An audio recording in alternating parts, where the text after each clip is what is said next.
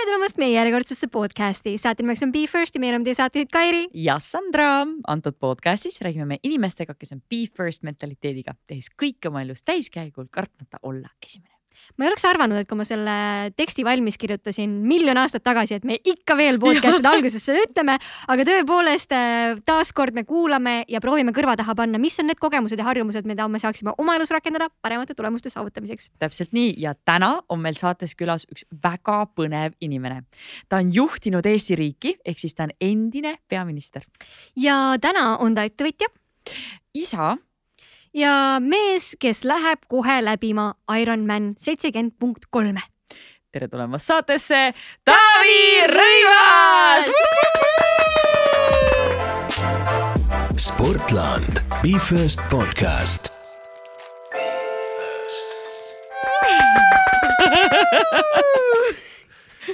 tõmbame kohe tempo ülesse meil algavad kõik asjad niimoodi väga hea, energia peab hea olema. muidugi kas sa tead, mis sind täna podcast'i sees ootab? eriti mitte, et äh, ma tean, et see on selline hea energiline podcast, aga mida te mult küsima hakkate, eks seda siis aeg näitab. meiega võid vabalt chillimalt võtta, ma tean, et sa Kaleviga siin praegu Betsafe'i raames teed kogu aeg siukseid vahekokkuvõtteid, aga meile võid täitsa ausalt rääkida kõik välja, et ei pea siin midagi muretsema. kas Kalev, kas Kalev on kuidagi ette skripteeritud, et mida peab ütlema või et? ei ole, ei, Kalev ei ole ühtegi skripti kunagi, kunagi ette andnud ja, ja pigem on see selline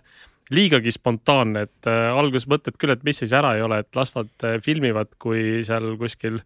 ähid seal äh, joosta mingi trenažööri peal, aga pärast neid kaadreid vaadata tegelikult ise ei taha, et, et äh, eks ta selles mõttes äh, Kalevit võiks rohkem skriptida, ma arvan. oota, aga sa räägid praegu koormustestist onju, kuule, sa mäle-, sa oled koormustesti teinud, see on päris killer. ei, isegi jah, ütleme, see, see on päris elu muidugi ja ega, ega iseenesest ei ole ju ka äh, kahju näidata seda, et, et kuidas äh, selle eesmärgini jõuda ja see ongi see nagu plaan, et, et ega selleks, et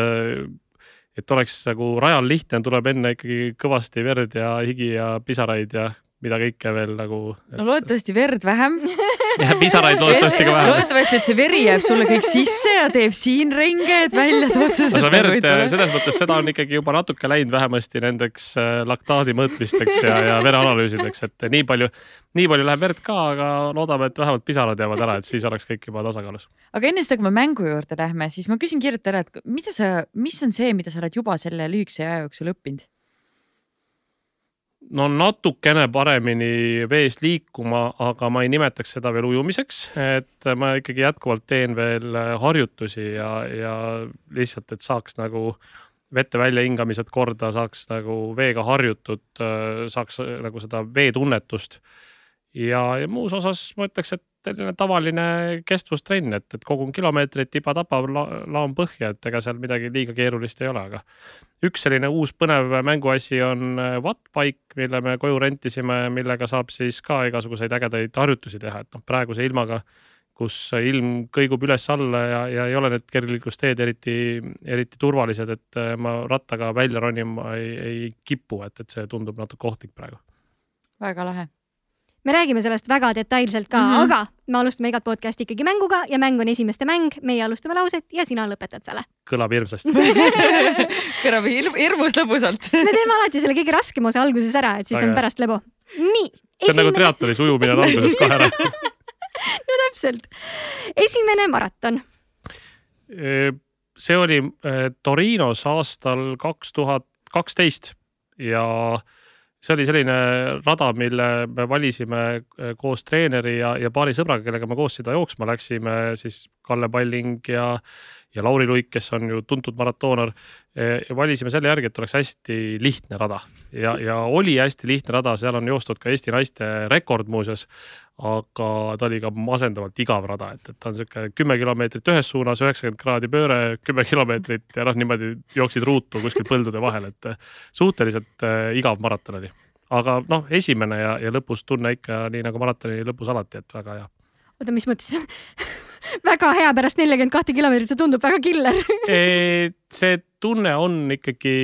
noh, see, et sa oled just midagi väga võimsat saavutanud, eriti just esimese maratoni finišis, et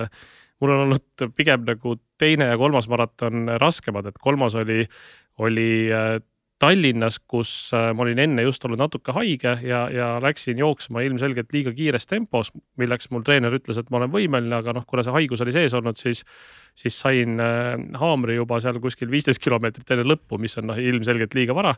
ja, ja kuidas sa jätad Tallinnas maratoni pooleli, see on täiesti mõeldamatu, eks. ja, ja enne seda siis äh, ka Valencia maratoni lõpp oli ka päris selline meeleolukas, sest ma juba tegin oma lõpuspurti, seal oli näha, et oli noh, sinine vaip oli, läks seal mitusada meetrit, eks ole, jooksin seal sinisel vaibal, käed juba püsti ja, ja juba ootasin nagu medalit kaela aga siis oli üheksakümmend kraadi pööre ja veel üheksakümmend kraadi pööre ja läks järgmine see lõpusirge, nii et seal hispaanlastel seda sinist vaipa kulus ikka koletumalt palju, aga seal viimase sirge peal juba nagu noh, kippus pilt eest ära minema, et see enam ei olnud lihtne. kui pikk see spurt oli siis? No seal oli, ma päris meetri pealt ei oska öelda, aga ma arvan, et see oli umbes niimoodi, et ma jooksin viimast kahtesadat meetrit ja tegelikult oli noh, mingi kakssada meetrit veel näiteks või midagi sellist, et äh, see, see oli tõesti väga valus, et see, ma vaatasin pärast kella pealt ka, et viimased kaks, kaks koma kaks kilomeetrit alates neljakümnendast kilomeetrist ma olin ikkagi jooksnud sellise noh, enda jaoks ikkagi kümne kilomeetri tempos seal äh, natuke üle nelja, nelja minuti kilomeeter, et, et see oli ikkagi nagu päris, päris raju lõpp ja ma mäletan lõpus ma ikkagi vajusin seal istukile ja üritasin nagu hispaania keeles kõigiga suhelda, et üldiselt oleks nagu vett vaja ja isegi, isegi vett ei saanud, et see oli selline jah, helistasin treenerile, ütles, et siia ma nüüd jään. Aga no ütleme nii, et äh, tagantjärgi tuleb öelda, et see oli ka minu jaoks seni kõige ägedam maraton, sest seal oli väga palju äh, inimesi tee ääres, seal oli oma treener sai käia mingi kuus-seitse korda raja jooksul, nagu see rada oli niimoodi sinka-vonka seal äh, majade vahel, see kordagi ei kordunud, aga, aga jah, treener sai kuus-seitse korda käia nagu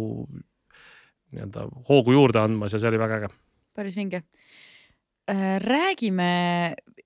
need olid õnnestumised, räägime nüüd natuke sinu läbikukkumistest, mis oli esimene ebaõnnestumine või esimene läbikukkumine? ei ole olnud üldse sellist asja, et ei no mis ma nüüd oma läbikukkumistest ikka räägin, et, et ma arvan, et see on ka natuke nagu suhtumise küsimus, et noh, kasvõi see, kui sa lähed nagu, ma ei tea,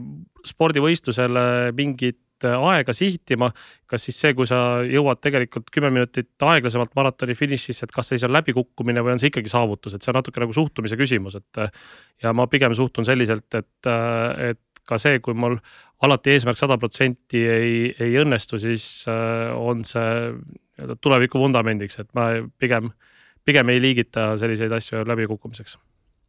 väga terve suhtumine. Aga ma tahaks ikkagi teada, et sa oled ka inimene, et sa mingil hetkel oled tundnud, et ah, kurja oli siis vaja, et see nüüd nii läks päriselt ka ei ole nagu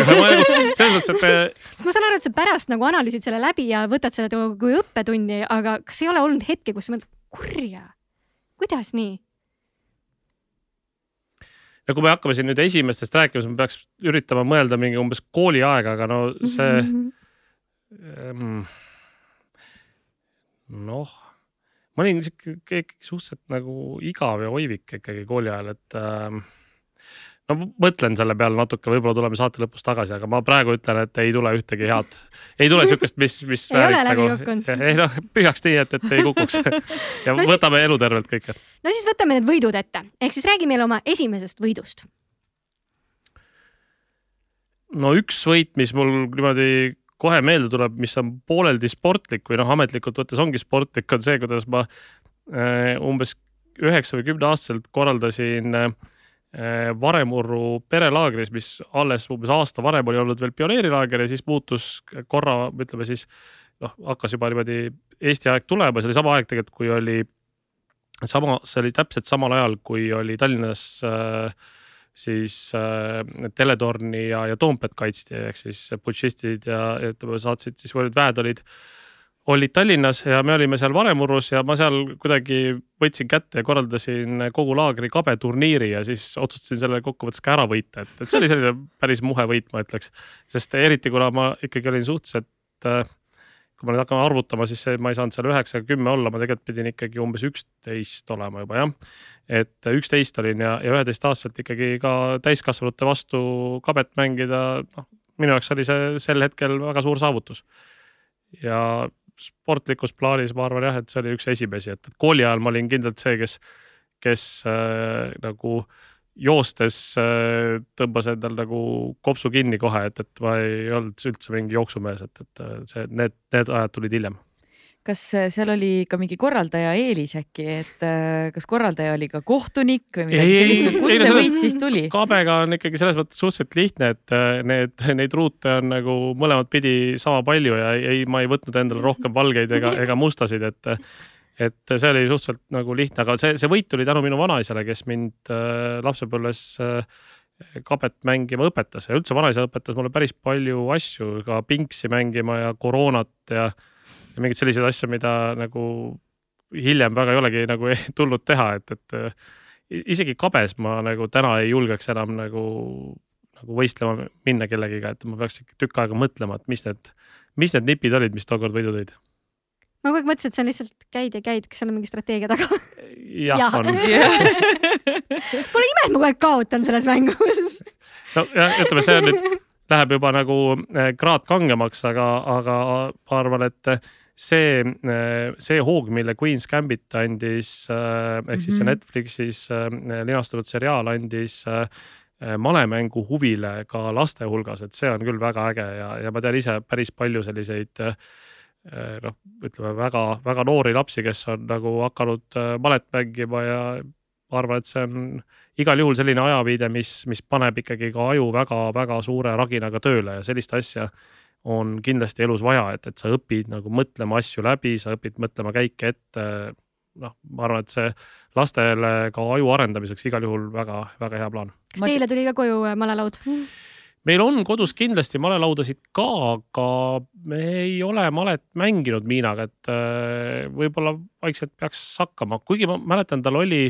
vist esimestes klassides oli küll, äh, kas esimeses või teises klassis oli, oli nagu male lausa nagu ainena, et, et täitsa selline wow. nii äge, vahva, vahva asi jah. mis koolis sellist Rocca al Mare. Rocca al Mare, nad ikka tulevad kogu aeg välja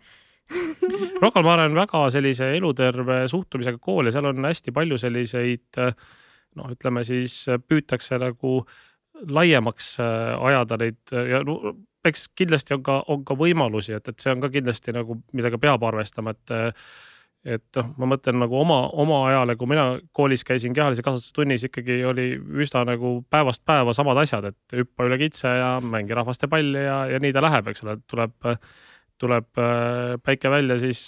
staadionile, mis oli seal Õismäel kohe kooli kõrval ja nii edasi, et, et reaalkoolis hiljem oli oli seegi raskem, et meil ei olnud õieti ka korralikku koolistaadionit, et siis seal pidime nagu väga,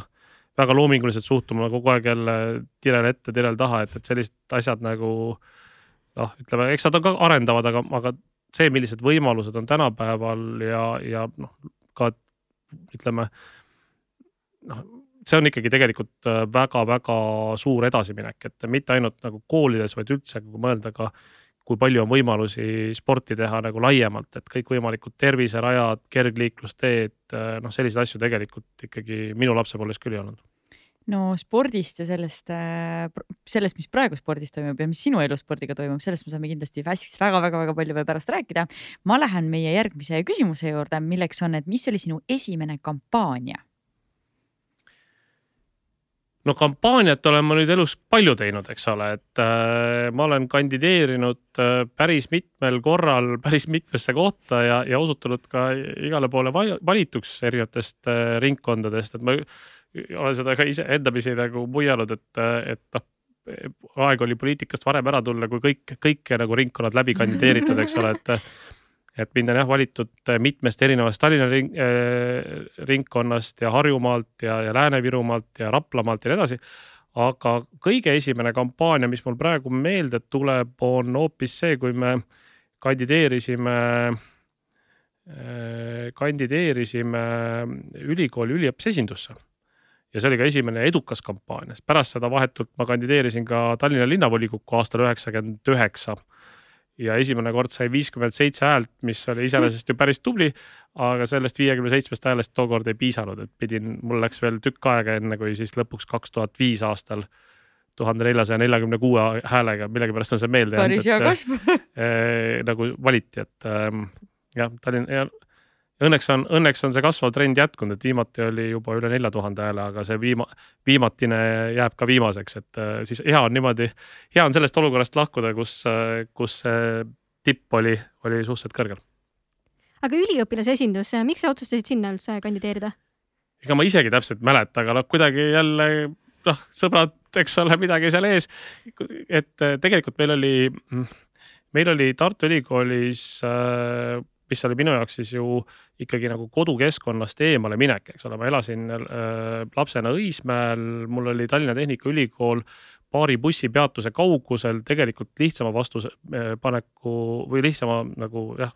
lihtsam tee oleks olnud see, et, et ma lähen äh, Tallinna Tehnikaülikooli.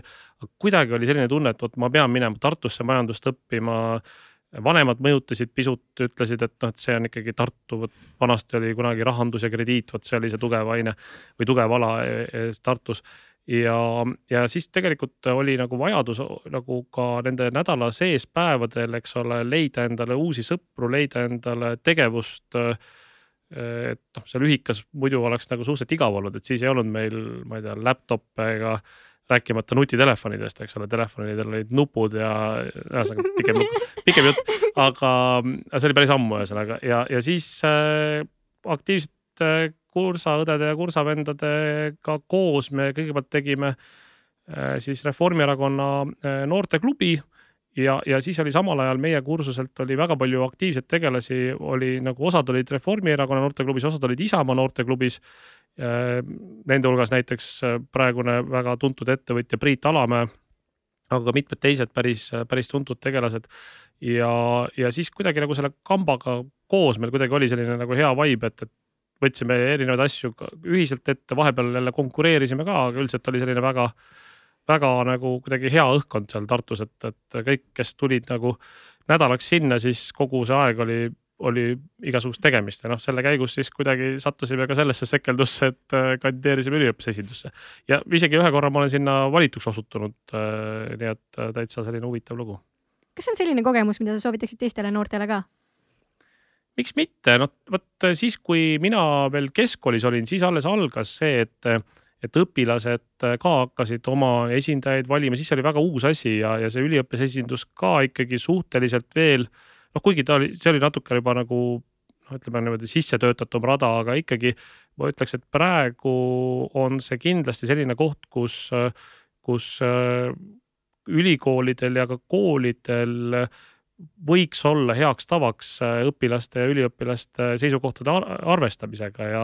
ja ma usun, et praegu see töötab veel palju paremini, kui ta toona töötas, nii et need, kes tunnevad, et nad võiksid nii-öelda oma, oma siis kas klassikaaslasi või, või või teisi üliõpilasi esindada selleks, et, et äh, hariduse kvaliteet paraneks või olmeteemad paraneksid, siis äh, loomulikult tasub seda järgi proovida. nii äge, mul on nii kahju, et ma ise ei teinud seda kunagi ülikooli ajal. mina käisin, mina olin, väga äge oli ma pean uuesti ülikooli selle jaoks minema, et see ära teha jälle. väga soovitan. aga selleks ei ole ju ka veel kindlasti hilja, et ega. teeme ise oma mingisuguse Spark Social esinduse. hakkame endale kaebusi esitama või? ei, korraldame Parem. üritusi ja kaebame kellegi siin, ma ei tea, naabrite peale ega see tegelikult muidugi, mis on Eestis huvitav, on see, et et mõneti see töötab ka nende noorte igasuguste esinduste kahjuks võib-olla natuke aga Eestis on ikkagi väga lihtne ka väga noorelt äh, pürgida kas siis oma kodukoha äh, linna või vallavolikogusse või ka, või ka tegelikult parlamenti, et meil on siin ju näiteid, kus parlamenti on valitud kahekümne ühe või kahekümne kahe aastased. Äh, noh, okei okay,, need on pigem erandlikud olnud, aga, aga siiski, et Eestis on võimalik ka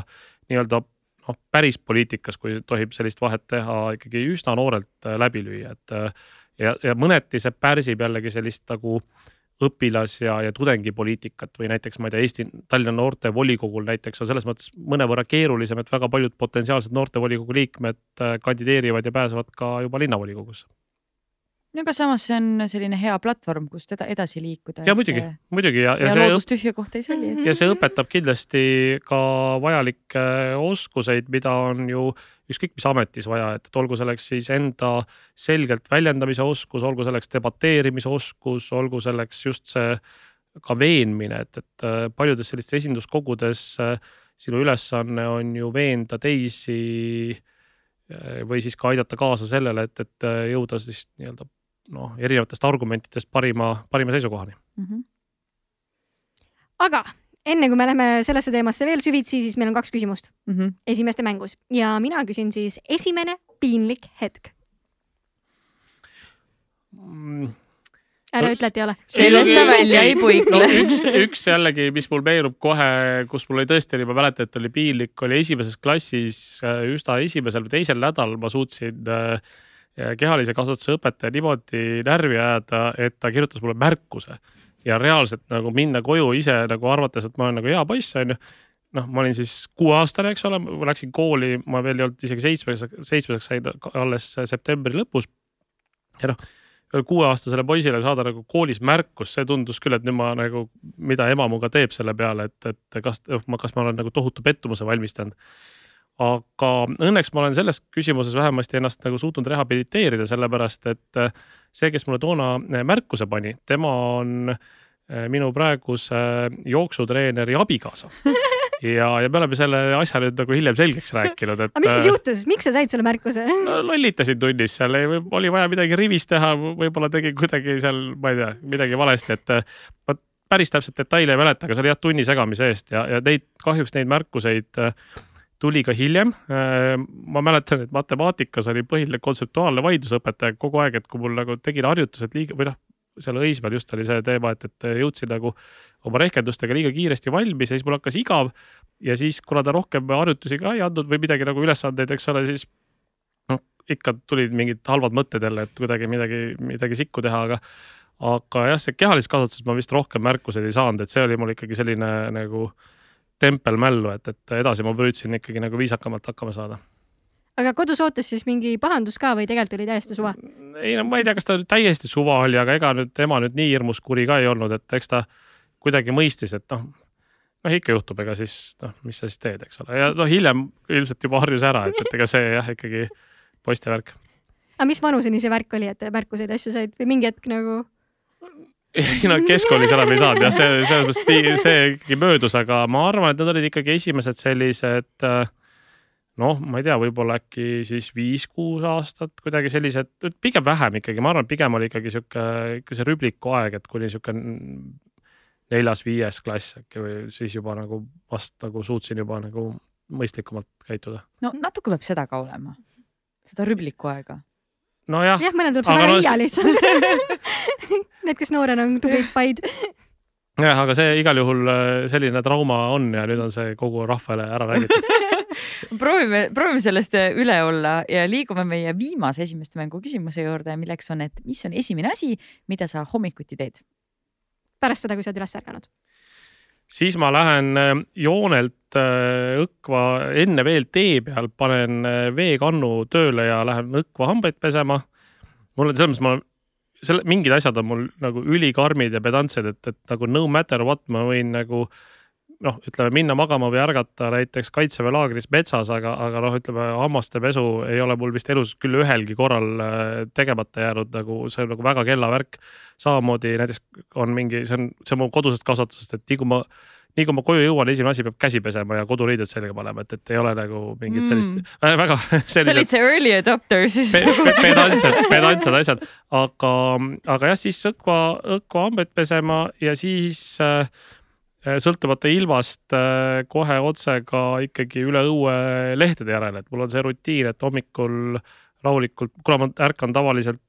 noh, ütleme ühena esimestest, et äh, mina ja, ja Miina, kes siis äh, läheb kooli, siis me ärkame enam-vähem ühel ajal. noh, mõnikord muidugi Uma viimasel ajal ärkab ka nagu väga väga varakult ja ajab seal kogu ülejäänud pere ülesse, sest ta on selline aktivist ja hakkab siis teisi seal nagu kiusama, kui need äh, ei, ei ärka. ja, ja siis teen kohvi ja, ja niimoodi loen, loen kõik äh, lehed läbi, et ma olen ikkagi veel üks nendest vähestest, kellel ikkagi kõik lehed veel kodus käivad ja, ja kellel meeldib päris paber, paber. paberil lugeda lehed läbi, et, et oleks nagu selline mõnus hommikune rutiin sooja kohviga, et, et see on minu jaoks väga oluline. kas sul on veel mõni selline, mingi kindel harjumus, mida sa teed? No matter what. kindlasti on, ma pean natuke mõtlema, et äh, ma olen ja mis pole lihtsalt võib-olla nagu tegemise pärast, aga mis päriselt ka aitab sul kuidagi igapäevaselt paremini hakkama saada. jällegi pean natuke mõtlema, vot see on sellist asja, et, et ma ise ju ei, võib-olla ei teadvusta neid asju, et mul kindlasti on mingid sellised sellised kiiksud või, või sellised noh, mis on nagu võib-olla tunduvad natuke nagu kas veidrad või sihuke oma noh, et, et väga nagu strict. nagu see, et Sandra peab parema jalaga voodist välja astuma, siis kui vasakuga, siis on jama majas. aa, sul on, ongi ja, selline asi. ta ja ei saa- igal hommikul, isegi kui ma maailma olen, lõpp on, kui ta vasakuga välja astub. päris Okei, ei ole, ma- aga ma lähen nagu reaalselt, ma olen olnud niimoodi, et ma rullin ennast välja, siis ma olen ei okei okay,, ei se- sellist, sellist asja mul ei ole, sellist asja mul ei ole, aga, aga ma, ma arvan, et need ongi sellised võib-olla noh, mingid rutiinid, mis, mis nagu elus kujunevad, mis on nagu sellised noh, ütleme hommikul on need rutiinid, ma arvan, väga head minu jaoks sellepärast, et ma, ma ei ole tegelikult hommikuinimene, mul ikkagi läheb aega, et ennast käima saada ja ma. aa, no üks asi on see, et ma panen, noh, see ei ole väga originaalne muidugi, aga ma, ma olen ka üks nendest, kes paneb kella näiteks no näiteks poole seitsmeks ja siis äh, nagu kümne minuti kaupa nagu snuusib või, või vajutab seda snuus, snuusnuppu, et, et tavaliselt umbes pool tundi ma olen nagu sihtinud selliseks nagu virgumisajaks. issver küll, te olete imelikud. kuule, ma just lugesin seda Why we sleep raamatut ja tuleb välja, et me tõenäoliselt olemegi geneetiliselt lihtsalt ööloomad. nii on, okei see on, paika pandud, muidu kui me kõik ärkaksime ühel samal ajal, siis me ei oleks äh, kaitstud piisavalt. aga see on nii väsitav ju. see on nagu, see on lihtsalt nagu. ärkamine vara on äsi- väsitav, siis kui veel, siis, siis kui veel oli, oli see äh, maailm, mis oli avatud ja sai hommikuti minna äh, äh, lennuki peale, mul, mul on jah, see, see on ka nüüd nagu siis, kui veel reisida sai, osutus selliseks tavaks, et ma pigem eelistasin äh, kodus äh, ööbida ja siis minna nagu hommikul kõige esimese lennukiga. ja, ja need olid sellised ikkagi noh, tavaliselt kella kuuesed, kuus, kuus null viis, kuus viisteist niimoodi siis äh, nende peale jõudmiseks ma ütleme, ei igatse neid ke- kella neljaseid või poole viieseid ärkamisi, et need on minu jaoks ikkagi päris valusad. sekundeerin. no triatloni teekonnal sul võib hakata neid väga varasi ärkamisi ka tulema, nii et äh, seda ma kuulsin ka jah, et, et, et see ujumine pidi olema mingi eb, ebainimlikult varajasel ajal algama, et, et aga noh, siis vahetevahel nagunii öösel ei maga, nagu see põnevus on üleval, et. no eks me näe jah, eks me näe. aga siis hakkab muidugi, siis loogiliselt võttes päeva peale jõuab veel päris palju ka temperatuur tõusta, ma mäletan Valencias oli see, et, et läksime hommikul veel panime mingit mingi udupent äh, sellist soojendavat kreemi, sest tõesti oli nagu meeletult külm ja treener ütles, et ei, et kindlasti mitte pika dressiga minna, et päeva peale tõuseb ja, ja, ja nii oligi, et päeva peal oli temperatuur tõusnud seal kuskil kahekümne kaheni, et ta oli ikkagi nagu meeletult palav, et selle, selles kuumuses. no eks näis, mis ilma te siin Tallinnas saate siis, kui Ironmani ajaks läheb, aga ja ilm on okei okay anyway, lihtsalt riietus peab olema õige. me jõudsime meie esimeste mänguga ühele poole, jah, mis tähendab, et me lähme räägime tööst. no hakkame tööst rääkima. No sinu nimi on ikkagi tuttav äh, ühest konkreetsest valdkonnast, milleks on siis poliitika. sa oled pool oma elust äh, olnud äh, poliitikas. kas sa teadsid noorena siis, kui sa oma märkuseid said kehalises kasutuses, et oh, minust saab peaminister? oi, kindlasti mitte, aga ma hakkan mõtlema, et isegi üle poole jah, et see on päris, päris pikk aeg, ma vahepeal küll töötasin natuke aega ka erasektoris, aga väga tugevalt tõmbas tagasi, et, et poliitikal minu jaoks on olnud selline väga no ütleme väga, väga tugev äh, tõmbejõud ja see on olnud erakordselt huvitav ja, ja noh, võimaluste rohke, et äh, ja aga, aga seda ma pean küll ütlema, et mitte kunagi ei ole mul olnud seda, et ma mõtlen mingi lineaarse teekonna, et kuhu ma pean järgmiseks jõudma. mis on see järgmine, ma ei tea, ametikoht või saavutus või, või häälte hulk või mis iganes see kellelgi see mõõdupuu on. et ma olen alati püüdnud nagu teha nii, nagu ma arvan, et on õige ja, ja need vaat see on täpselt see koht, kus päriselt ka on nii, et sa tunned ära, kui see, kui nüüd on vaja nagu mingi järgmine samm ette võtta või, või siis ei tunne, eks ole, et, et eks see, eks see ka sõltub, aga, aga, aga mul jah, kuidagi on see nagu olnud pigem selline õigete võimaluste äratundmise küsimus ja, ja nagu õigete ajastuste nagu hoomamine. mida sa pead silmas selle järgmise sammuna? kas see on samm edasi või samm tagasi või? ei no kui sa, kui sa mõtled, mis on nagu ütleme noh, poliitikul noh, mina alustasin kõigepealt noortekogust, noortekogus jällegi, kui sa oled aktiivne, korraldad mingeid üritusi, sa hakkad silma, kutsutakse mingeid, ma ei tea, juba näiteks mingit kampaaniat korraldama, on ju, siis on mingid noh, nõunikufaas. minu päris esimene poliitiline ametikoht, kus ma päriselt ise poliitik olin, mitte ke- kellelegi nõuandja, oli linnaosavanem Haaberstis, see oli ka väga väga varajases äh, vanuses ja, aga see oli ka väga ma ütleks, et äh, huvitav aeg ja ma julgeks öelda, et ka tulemuslik aeg, et ma ikkagi tõesti nagu suhtusin sellesse ülitõsiselt sellesse ametisse ja, ja noh, nii ta läheb, et mingi hetk on see koht, kus sa tunnetad, et kas sa lendad nagu munitsipaalpoliitikast kõrgemale siis noh, ütleme riikliku, riiklikule tasandile või mitte. samamoodi, kui sa oled osutunud valituks Riigikokku, siis tegelikult iga Riigikogu liige peab olema valmis võtma vastutust ka ministriametisse asumiseks, aga selleks, et keegi sind üldse ministriametisse kutsuks, jällegi sa pead piisavalt endale mingid teemad selgeks tegema, sa pead ise nagu äh, noh, võtma endale mingid fookused, et nii ei saa, et sa tegeled kõikide teemadega või, või üldse mitte millegagi ei tegele, et, et siis pole, pole lootustki valitsusse pürgida. ja nii edasi ja nii edasi, et ja noh, see peaministri ametisse, noh, see oli tegelikult äh, ka paljuski ikkagi juhuste kokkusattumus, sellepärast et toona oli, oli tunnetus, et Reformierakonna noorem põlvkond äh,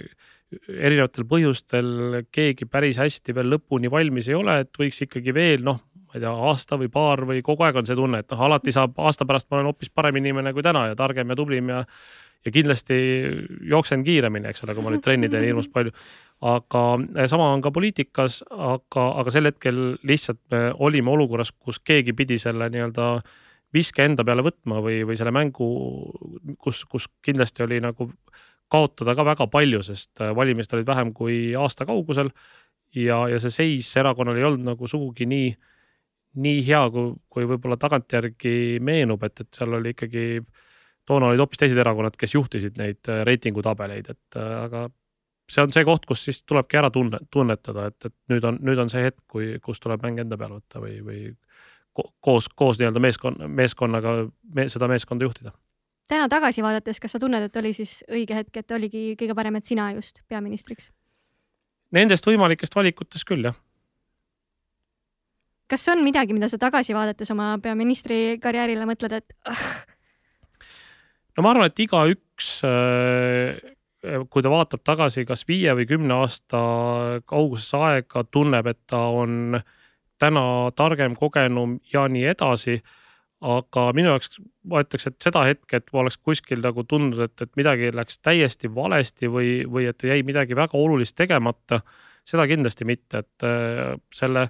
pisut vähem kui kolme aastaga tegelikult me jõudsime väga palju ja mis on kõige olulisem nagu indikaator on see, et äh, erinevalt äh,, erinevalt lõviosast Eesti, Eesti valitsust juhtinud peaministritest ikkagi äh, rahva tahe kaks tuhat viisteist oli, et Reformierakonna juhitav valitsus peaks jätkama. Ja, ja seda on juhtunud äh, varasemalt äh, kahel korral, siis kui Andrus Ansip juhtis Reformierakonda juhtus ka kaks tuhat viisteist ja peale seda ei olegi seda nagu ka juhtunud, et ehk siis seda kokku Eesti ajaloos kolmel korral juhtunud, kui, kui peaministri erakond on, on valimised võitnud mulle tundub, et sul on selline okei okay,, teeme ära mentaliteet. on see, on see õige tunnetus? jah, äh, getting things done on äh, selline asi küll, et ma ega ma, äh, ma olen üsna selline ähm, nagu ma, ma ei ole väga selline jah, kindlasti, oota, ma ei ole üldse ma otsin praegu eestikeelset sõnu, aga kui ma tohin öelda Be first podcast siin. ja meil on ühesõnaga, ma small talk mulle üldse ei meeldi ja ma olen kohe nagu to the point, et ma ei ütle, et ma nüüd nagu taktitundetu päris olen, aga, aga ma olen üsna konkreetne ja, ja üsna nagu tulemusele orienteeritud, et äh, nagu kui ma mõtlen ka oma kolleegidega, et siis nad on kindlasti minuga nagu päris palju sellist ütleme noh, võib-olla ma, ma ei ole nagu selline nagu ninnu-nännutaja või, või käehoidja või, või tegelikult nagu kindlasti saaks juht olla palju nagu äh, toetavam just nagu emotsionaalses mõttes äh,, aga aga samas äh, mul on vedanud elus sellega, et mul on meeskonnas olnud tihti sellised inimesed, kes jagavad seda mõttelaadi, et ongi see ajaauk, et, et teha midagi mis, mis sinu kätte on usaldatud, noh, olgu see kasvõi Eesti valitsuse juhtimine, see ajaauk on alati limiteeritud ja, ja mul oli isegi võimalus ja au noh, peaaegu kolm aastat, mis on ikkagi tugevalt üle keskmise. et, et Eestis kahjuks valitsused ei ole, ei kesta tavaliselt äh, nii pikalt, et seda aega tulebki nagu maksimaalselt ära kasutada ja teistes ametites samamoodi, et et kui ma võtan kasvõi ka praeguse ameti, kus me Overtechis äh, äh, autonoomseid sõidukeid arendame, siis ka siin on äh, see ajaauk, äh, kus, kus me oleme valmis turule minema ja, ja kus turg on küpsemas, et olla valmis selleks, et, et inimeste kõrval võiks sõita ka autonoomsõidukid, et samamoodi see ajaaken tuleb väga täpselt ära tunnetada ja selles ajas oma tulemuse ära saavutada, nii et ma usun, et see on erinevates ametites samamoodi, et tuleb nagu asjad ära teha selles, mis sulle antakse see aeg. aga mulle endale tundub või tähendab, see on võib-olla minu selline stiil, et mina natuke olen sihuke ninnu-nennutaja ja mulle tundub, et see mingis, mingis balansis justkui nagu peaks olema, et kuidas sina juhina seda tasakaalustad, et sa tead, et jah, sa oled selline, see sulle töötab, et kuidas sa selle pehme poole sinna kõrvale saad? kas see tuleb sinust endast või see tuleb kuidagi väljaspoolt? Lifehack, võtta tööle samasugused inimesed nagu sina, kes ei vaja ninnu nennutamist ja, ja, lifehack ja mul tütar kasutab ka seda lifehack'i terminit kogu aeg, et see, eh, ma, ma neid lifehack'e alati ei oska, aga, aga mm, ma arvan, ega tegelikult need, need inimesed, kes on minuga koos töötanud, tegelikult ju ka teavad, et, et ma väga hindan nende panust, eks kuidagi ütleme sellisel jah, ma, ma ei ole see, kes seda alati võib-olla nagu väga nagu paljusõnaliselt suudaks välja öelda, niimoodi pehmelt öeldes. Et aga, aga eks ma ka omat moodi püüan ikkagi nagu mõista anda, et, et minu jaoks see panus, mis, mis inimesed annavad, et see on ülioluline ja, ja vajalik, et, et muidu ma, muidu ma nendega seda ju koos ei teeks, et ähm, aga jah, ei ole see, kes nagu ütleme, oskaks seda väga hästi nagu sõnades väljenduda, et äh, pean tunnistama. aga mis on Taavi Rõivases kõige suurem kiitus, et kui inimene töötab näiteks sinu heaks, siis ta teab, et oh my god, ma tegin midagi väga hästi, sest et Taavi tegi seda no vot, äh, seda peab nende inimeste käest küsima, et, et kuidas nad seda on tunnetanud, et äh, neid on, äh, neid asju on kindlasti palju, kus ma püüan sellest märku anda, aga, aga see on alati, ma ei ole kindel, et kas ja kuidas see kohale jõuab, et ega see jah seda peab küsima nende inimeste käest, kes on minuga koos töötanud. et ega see neil lihtne ei ole olnud kindlasti. kui ta ütleb sulle, et sa oled tubli olnud, siis sa oled nagu vau, võimas nagu väga võimas ma mäletan, mul oli kunagi üks tantsutreener, kes oli niimoodi, et kui ta ütles, et mm, käib ka, siis kõik olid nii oh my god. me tegime nii hästi. ma nüüd ei ole mingi selline nagu ütleme, kuri maksimalist, kes, kellel üldse nagu empaatiavõime puuduks, et seda, seda vast ka mitte, aga, aga lihtsalt ähm, jah, ma nagu noh, kuidagi nagu ma olen straight to the point, ütleme siis nii, et, et, jätan selle nagu small talk'i välja. aga mulle tundub, et ongi, sa oledki sellises valdkonnas, kus sa, kus see ongi okei okay ja nii teistmoodi võib-olla ei saagi, et on, on valdkondi, kus võib-olla ei saa nii teha nagu, nagu, mis on sinu stiil, et äh, tulebki leida see koht, kus sa. no nii ja naa, vot kui me mõtleme nagu rahvusvahelises suhtluses, siis tegelikult tuleb ikkagi sundida ennast või ka nagu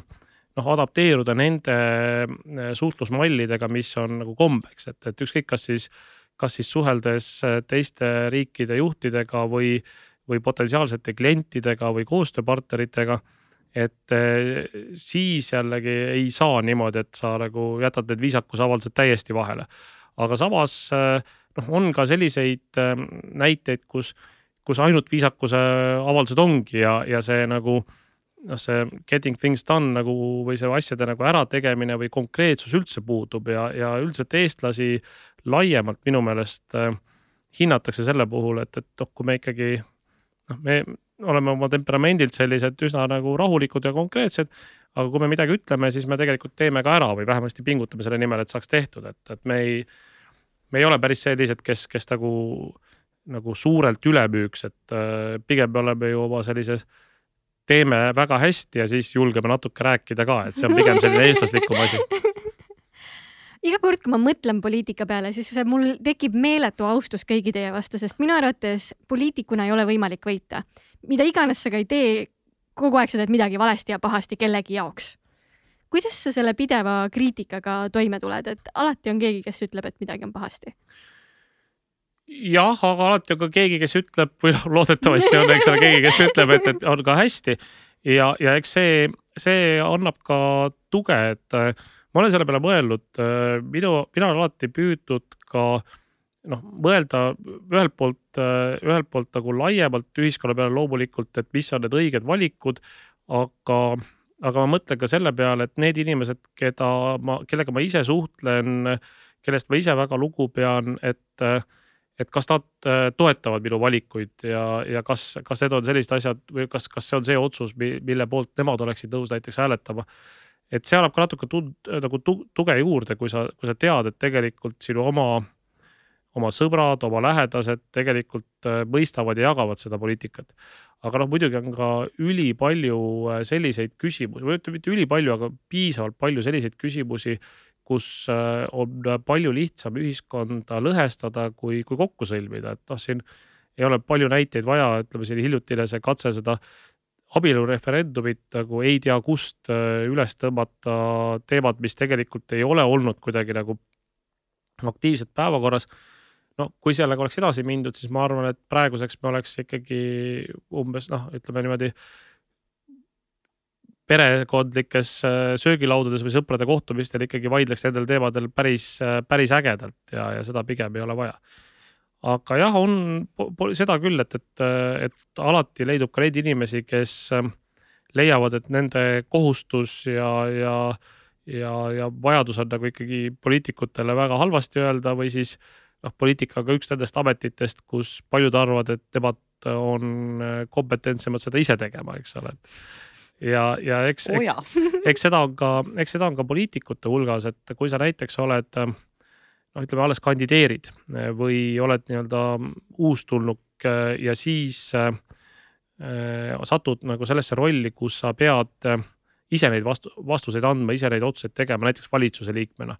siis paljud asjad äh, löövad nagu klaariks, et saad aru, et okei okay,, sellele, et asjad on nii, on tegelikult mingi väga loogiline põhjus.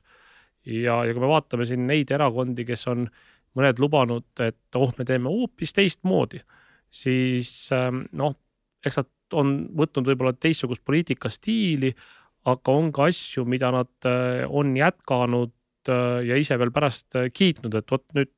tuligi nii teha, eks ole. Ehk siis, mis ma tahan sellega öelda, on see, et, et kui sa näed seda asja seestpoolt, siis sul on hoopis teine infoväli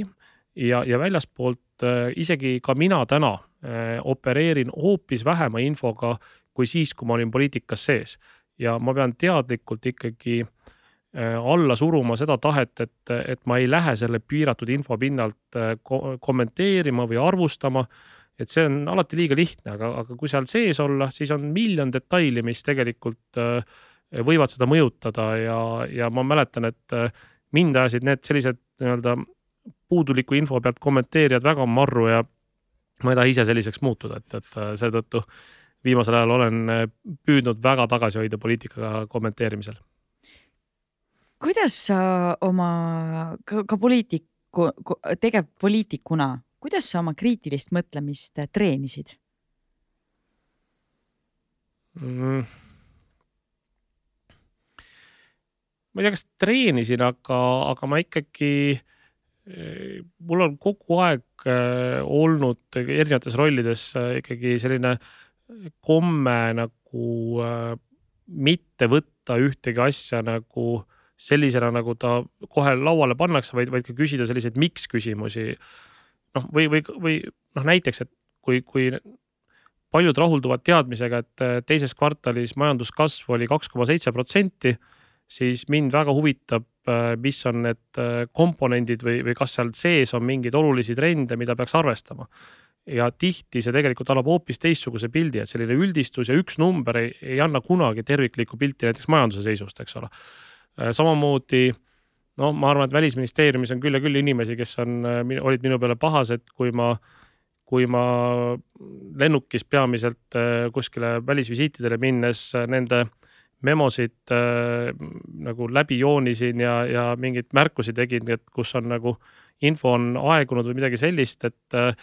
et noh, ma, ma, ega ma ei lasknud läbi nagu sellist asju, et keegi kuskil copy paste'iga mingi veidi vanema memo nagu ette saadab, et, et selles mõttes ma püüdsin ikkagi olla ka nõudlik ja mitte kuidagi sellepärast, et kedagi nagu kiusata. aga noh, kui me esindame Eesti riiki kõige kõrgemal tasemel, siis me peame olema nagu, andma ennast absoluutselt parima. Ja, ja muidugi, mida tuleb öelda, on see, et täiesti nagu kogu austusega tõesti on Eestis äh, ametkonnad väga-väga professionaalsed, et ka üks teemasid, mis mind alati nagu marru ajab, on see, kui keegi väga pealiskaudselt hakkab nagu noh, ütleme niimoodi üldistades ametnikke ründama, et nagu igas valdkonnas loomulikult on ka ametnike hulgas neid, kel, keda või kelle tegevust või mõnda konkreetset valikut tuleb kritiseerida või võib kritiseerida või on põhjust kritiseerida. aga noh, läbivalt, valdavalt ma ütleks, et on ikkagi Eestis äh, avalikus teenistuses ikkagi väga professionaalsed inimesed ja, ja nendega on olnud väga hea koos töötada. kas on natuke kurb ka ära minna? ei ole, ma tegelikult, äh, mul on juba nii suure hooga kõik juba äh, nagu ettevõtlusteemad käima läinud, et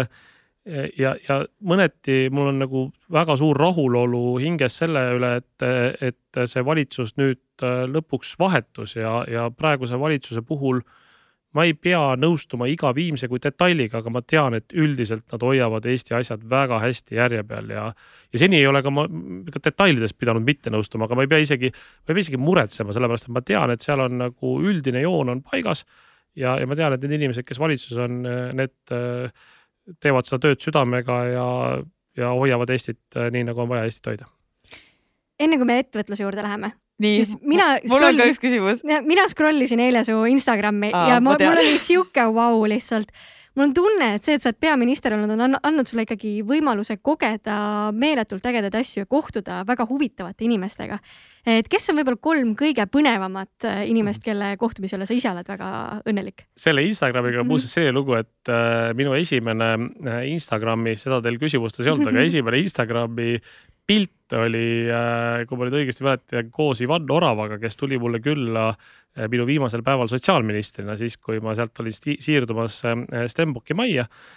aga huvit-, noh, huvitavad inimesed. Mis on huvitav, on see, et, et kui sa suhtled peaministrina Eesti riigi esindajana, siis see tegelikult avab kogu maailmas kõik uksed, et üldiselt ei ole seda, et, et on nagu väga väike riik või väga suur riik, noh või noh, loomulikult, kui sa oled Ameerika Ühendriikide president või võib-olla, ma ei tea Saksamaa liidukantsler, eks, eks selge see, et, et seal mingid, mingid vahed on, aga, aga siiski ütleme nii erasektoris kui, kui teiste riigijuhtide juurde,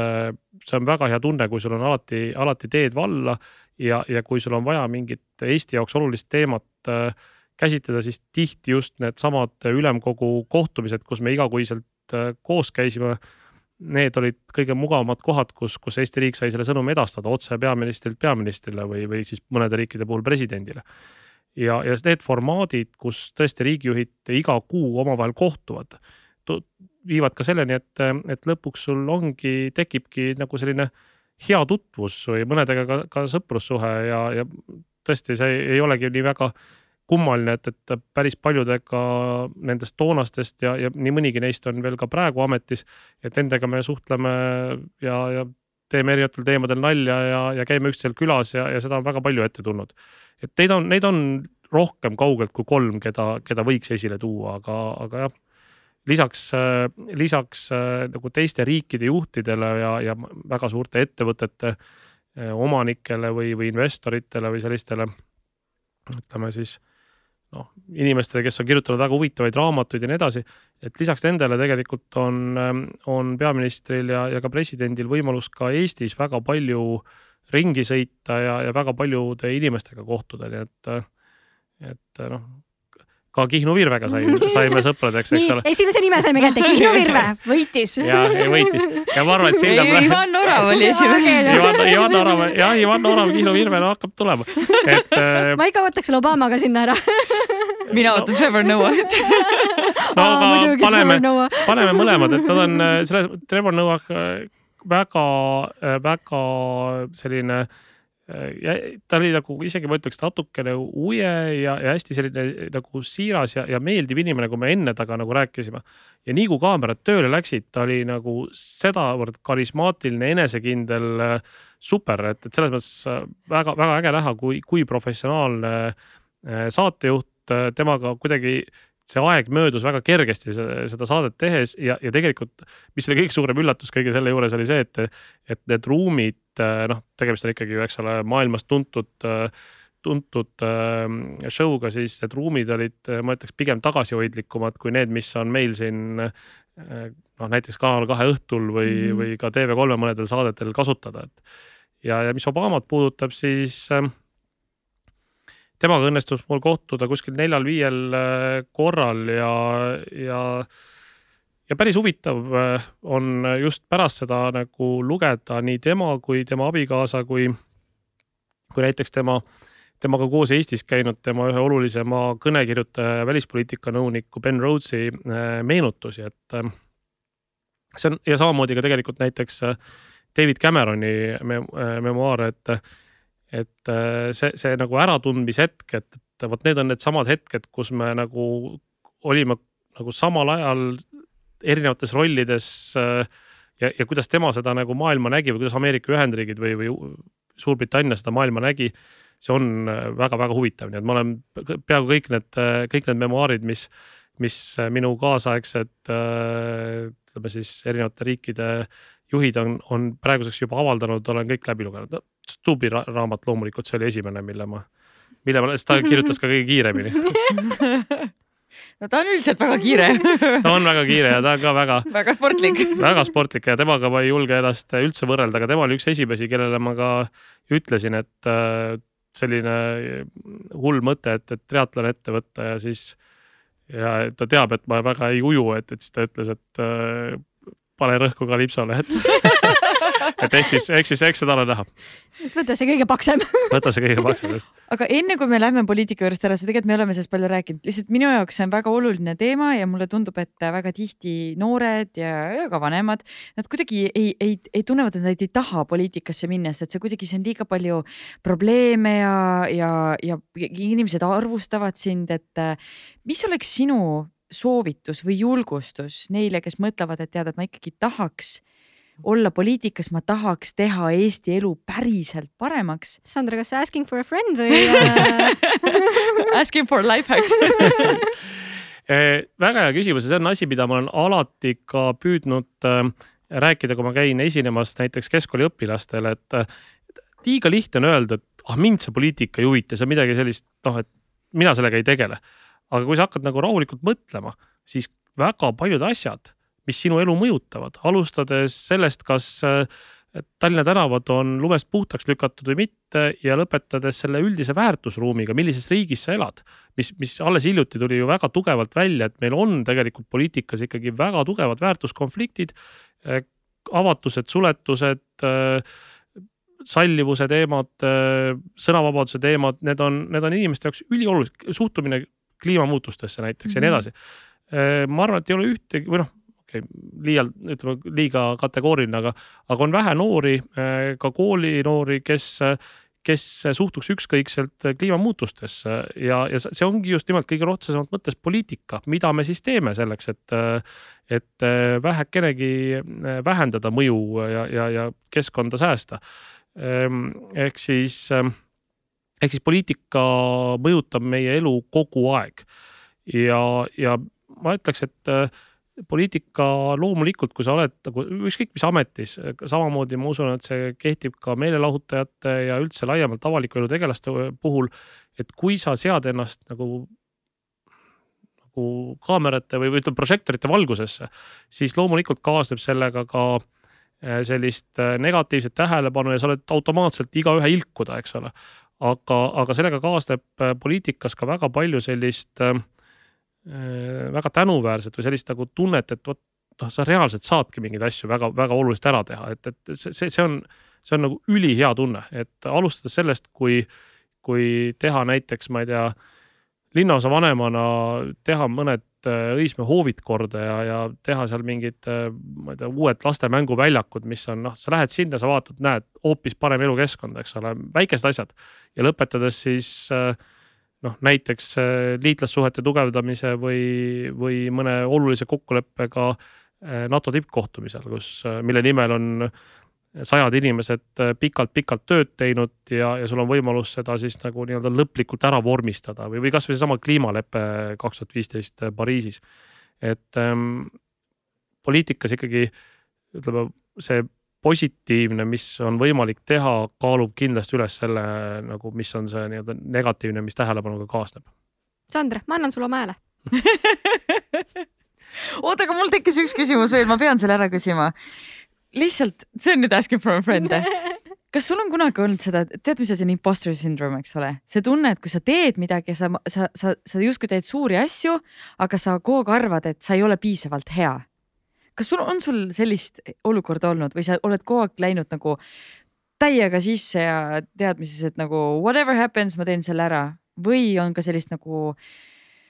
nagu kahtlust olnud enda sees ja kui on olnud, siis kuidas sa sellega hakkama oled saanud? ei, pigem ei ole, et äh, jällegi, kui sul te, peaks või kui peaks tekkima selline nagu noh, kahtlus, siis alati on ju neid lähedasi inimesi, kellele nagu tugineda ja, ja nagu noh. kontrollida, kas sa oled õigel teel, eks ole. lähedastega on nagu, see on, see on teistmoodi, sest et äh, nad ei ütle sulle võib-olla alati nii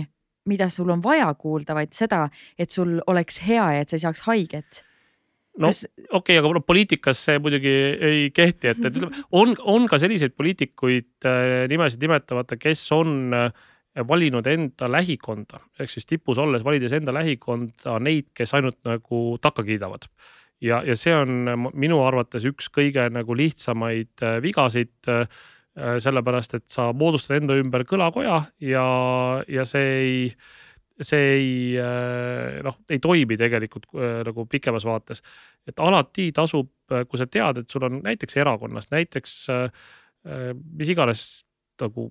kollektiivis, sul on ka inimesi, kes, kes suhtuvad mingitesse teemadesse kriitilisemalt, siis pigem on mõistlik ka nemad ära kuulata ja, ja ka enda ümber äh, noh, ikkagi minul oli küll see luksus, et ma ümbritsesin ennast nõunikega, kes äh, ilma hetkegi kõhklemata ütlesid mulle otse välja, kui nad arvasid, et ma midagi nagu valesti või mingit, mingit seisukohta vaidlesid minuga, julgesid mulle öelda, et ei, see ei ole nii. Äh, noh, peaks olema niimoodi ja, ja see tegelikult aitab väga-väga palju ja sa saad ka nagu olla palju kindlam, et, et ükskõik, mida sa nagu arvad, et, et, et, et selle taga on ikkagi ka nagu ütleme siis laiem toetus ja konsensus, sest tavaliselt need inimesed, kes selle teemaga on, on süvitsi tegelenud, neil kipub olema ikkagi ka noh, tugev tunnetus, et, et kuidas need asjad võiks olla mm. -hmm. Okay. ma nüüd ei vastanud küsimusele, ma möönan, aga, aga see on ka selline ei, tegelikult alguses oli vastus ära, et otseselt sa ei kahtle nagu, et, et. ja ei, ma arvan ka, et eh, pigem, pigem ikkagi, mis siin ikka kahelda, et, et tuleb lihtsalt nagu saada see, saada see, kui on mingi, mingigi nagu kahtlus, et mis, mismoodi teha, siis, siis tuleb saada kelleltki see nagu täiendav kinnitus, et äh, jah. ja teine asi on see, et, et äh, kaasata enda ümber siis inimesed, kes ei mõtle sinuga võib-olla äh, täpselt ühtemoodi, vaid et on, on valmis sind challenge ima kuidagi. no või siis veel lihtsamalt öeldes, et äh, minul on ikkagi olnud äh, võimalus töötada endast targematega, ehk siis äh, noh, kui ma võt-, kutsusin endale majandusnõuniku, siis, siis oli võimalus kutsuda inimene Eesti Pangast, kes, kes nagu valdas absoluutselt peensusteni seda valdkonda või ka noh, välis- ja kaitsenõunikud jällegi ja, sa, ja samamoodi ka poliitikas, eks ole, et, et sul nagu alati on, kui kas on inimesed sinust targemad, parema poliitilise tunnetusega ja nii edasi, et, et sa, sa valid kokku need talendid, kes siis kokku annavad ikkagi palju suurema summa, kui kui see, et öelda lihtsalt, et jah, sul on, sul on õigus, et noh, selleks ei ole tegelikult nagu otseselt nagu kolleege vaja palgata, et selleks võid nagu peegli ees endale kinnitada, et, et väga hästi läheb me oleme sujuvalt nüüd poliitikast rääkinud ikka väga pikalt, kuigi see ei ole tänasel hetkel see, millega sa põhiliselt tegeled, et sa läksid ju ettevõtlusvaldkonda. räägi korra, milline sinu tänane tööpäev üldse välja näeb?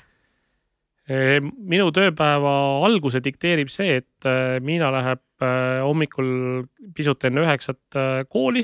ja, ja tema kool ja, ja minu kontor asuvad paarisaja meetrise vahega Rocca al Mares. Ehk siis ma viin kõigepealt tema kooli, kuna me elame päris kaugel sealt koolist ja töö juurest, siis hommikul on selline pool tundi sõitu Miinaga ja siis jõuan üheksaks, mis on äh, tund aega hiljem kui kõik ülejäänud kolleegid ja, ja selle võrra ma pean siis õhtul pi rohkem pingutama ja, ja nii ongi, et see, see on nagu algus ja see on ainuke asi, mis on iga päev äh, nagu sama. Kõik muud asjad on, on, ütleme nii, et on väga palju, väga palju erinevaid päevi, väga palju erinevaid tegevusi. kahjuks on palju ikkagi ka Teamsis ja Zoom'is ja nendes kõikvõimalikes videokõnerakendustes, aga aga see, millega me päevad läbi tegeleme, et see õnneks on päevast päeva üsna, üsna erinev ja, ja seni on küll olnud ikkagi väga-väga vaheldusrikas ja põnev. Aga mis on siis see, kuidas sa panustad Aveteki, et mis on sinu oluline roll? no meil on äh, täna selline seis, et, et me oleme äh, jõudnud sellest esimese prototüübi faasist, mis oli umbes paar aastat tagasi, sellesse faasi, kus meil on need autod juba äh, Äh, mitmes riigis äh, tänavalegaalsed, kus on väljastatud äh, numbrid, kus on praeguseks on meil valmis selline kümme-viisteist autot, sõltub, kas siis lugeda ainult neid kõige uuemaid või, või kõike, mis me kokku oleme, oleme tootnud ja, ja valmisolek neid juurde toota. praegu me töötame selle nimel, et,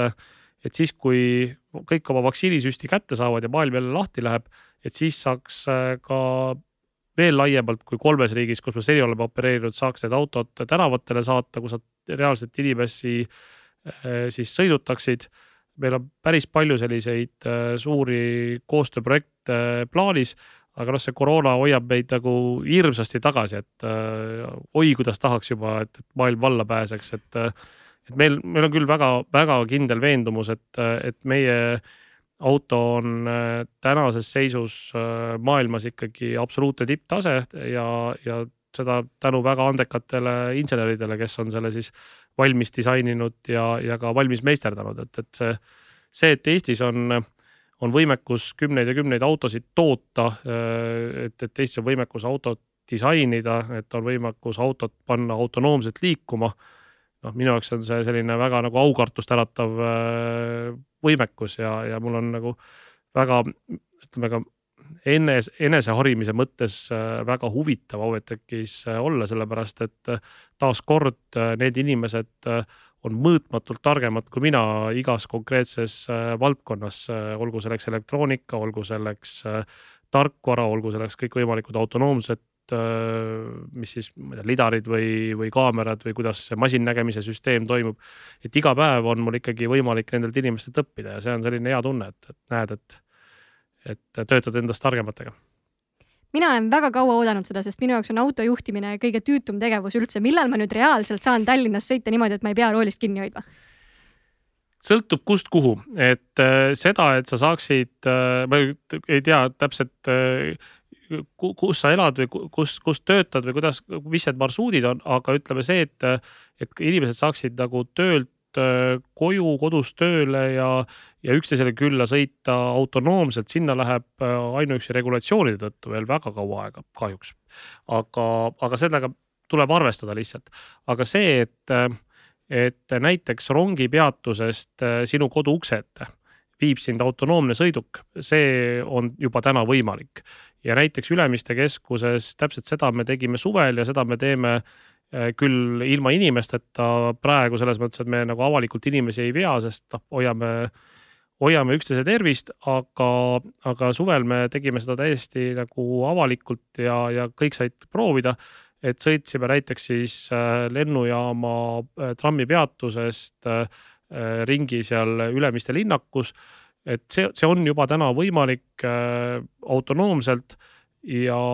ja kui nüüd mõelda natukene nagu lähitulevikule, siis miks mitte ei võiks sellistel Ülemiste sarnastel linnakutel olla parkimisala mõnisada meetrit sealt linnakust väljas, mitte nagu keset seda väljakut nagu praegu, kus ta võtab ära väga olulise osa linnaruumist, kus parkimismajadele ja, ja parklatele läheb alasid, mis võiksid olla muidu kas siis büroohooned või, või lihtsalt linnakeskkond, kus, kus inimesed saaksid ennast mõnusalt tunda. Ja siis sõidavad autonoomsed bussid edasi-tagasi lihtsalt sinna autode juurde. ja mõneti on tegemist ju sellise sarnase teenusega nagu, nagu need ülipopulaarseks saanud äh, tõukerattad, kus seda viimast äh, jupikest lihtsalt sõidetakse mingi sellise noh, tõukside puhul siis micromobility või, või autonoomsete sõidukite puhul siis autonoomse äh, mobiilsusega, et et see, see on selline esimese või viimase miili ots, milleks tegelikult juba täna on need autod täiesti, täiesti kõlbulikud ja võimelised. ja noh, suur eelis tõukside ees on muidugi see, et kui vaadata aknast välja, siis enamik ajast ei ole tõuksi ilm. Ja kui sul on lapsed, toidukotid, ma ei tea, oled ise juba niimoodi väärikamas eas, et siis see tõuks ei ole ka võib-olla kõige nagu parem lahendus, et ehk siis ta nagu pigem nagu täiendab selliseid äh, tõukse ja teisi selliseid populaarseid äh, mikromobility lahendusi ma ootaks selle aastanumbri ikkagi ära nüüd, et millal me siis nagu autoga sõita saan, mis see regulatsioonid tähendab üldse, et kui palju me peame selle jaoks vaeva nägema, et me saaksime reaalselt? no vot see, siin on palju teooriaid. Äh, üks on just, mille üle nagu vaieldakse, on see, et, et kas piisab, kui autonoomne sõiduk on kaks korda turvalisem kui inimene või peab ta olema äh, nagu kümme korda või sada korda turvalisem, eks.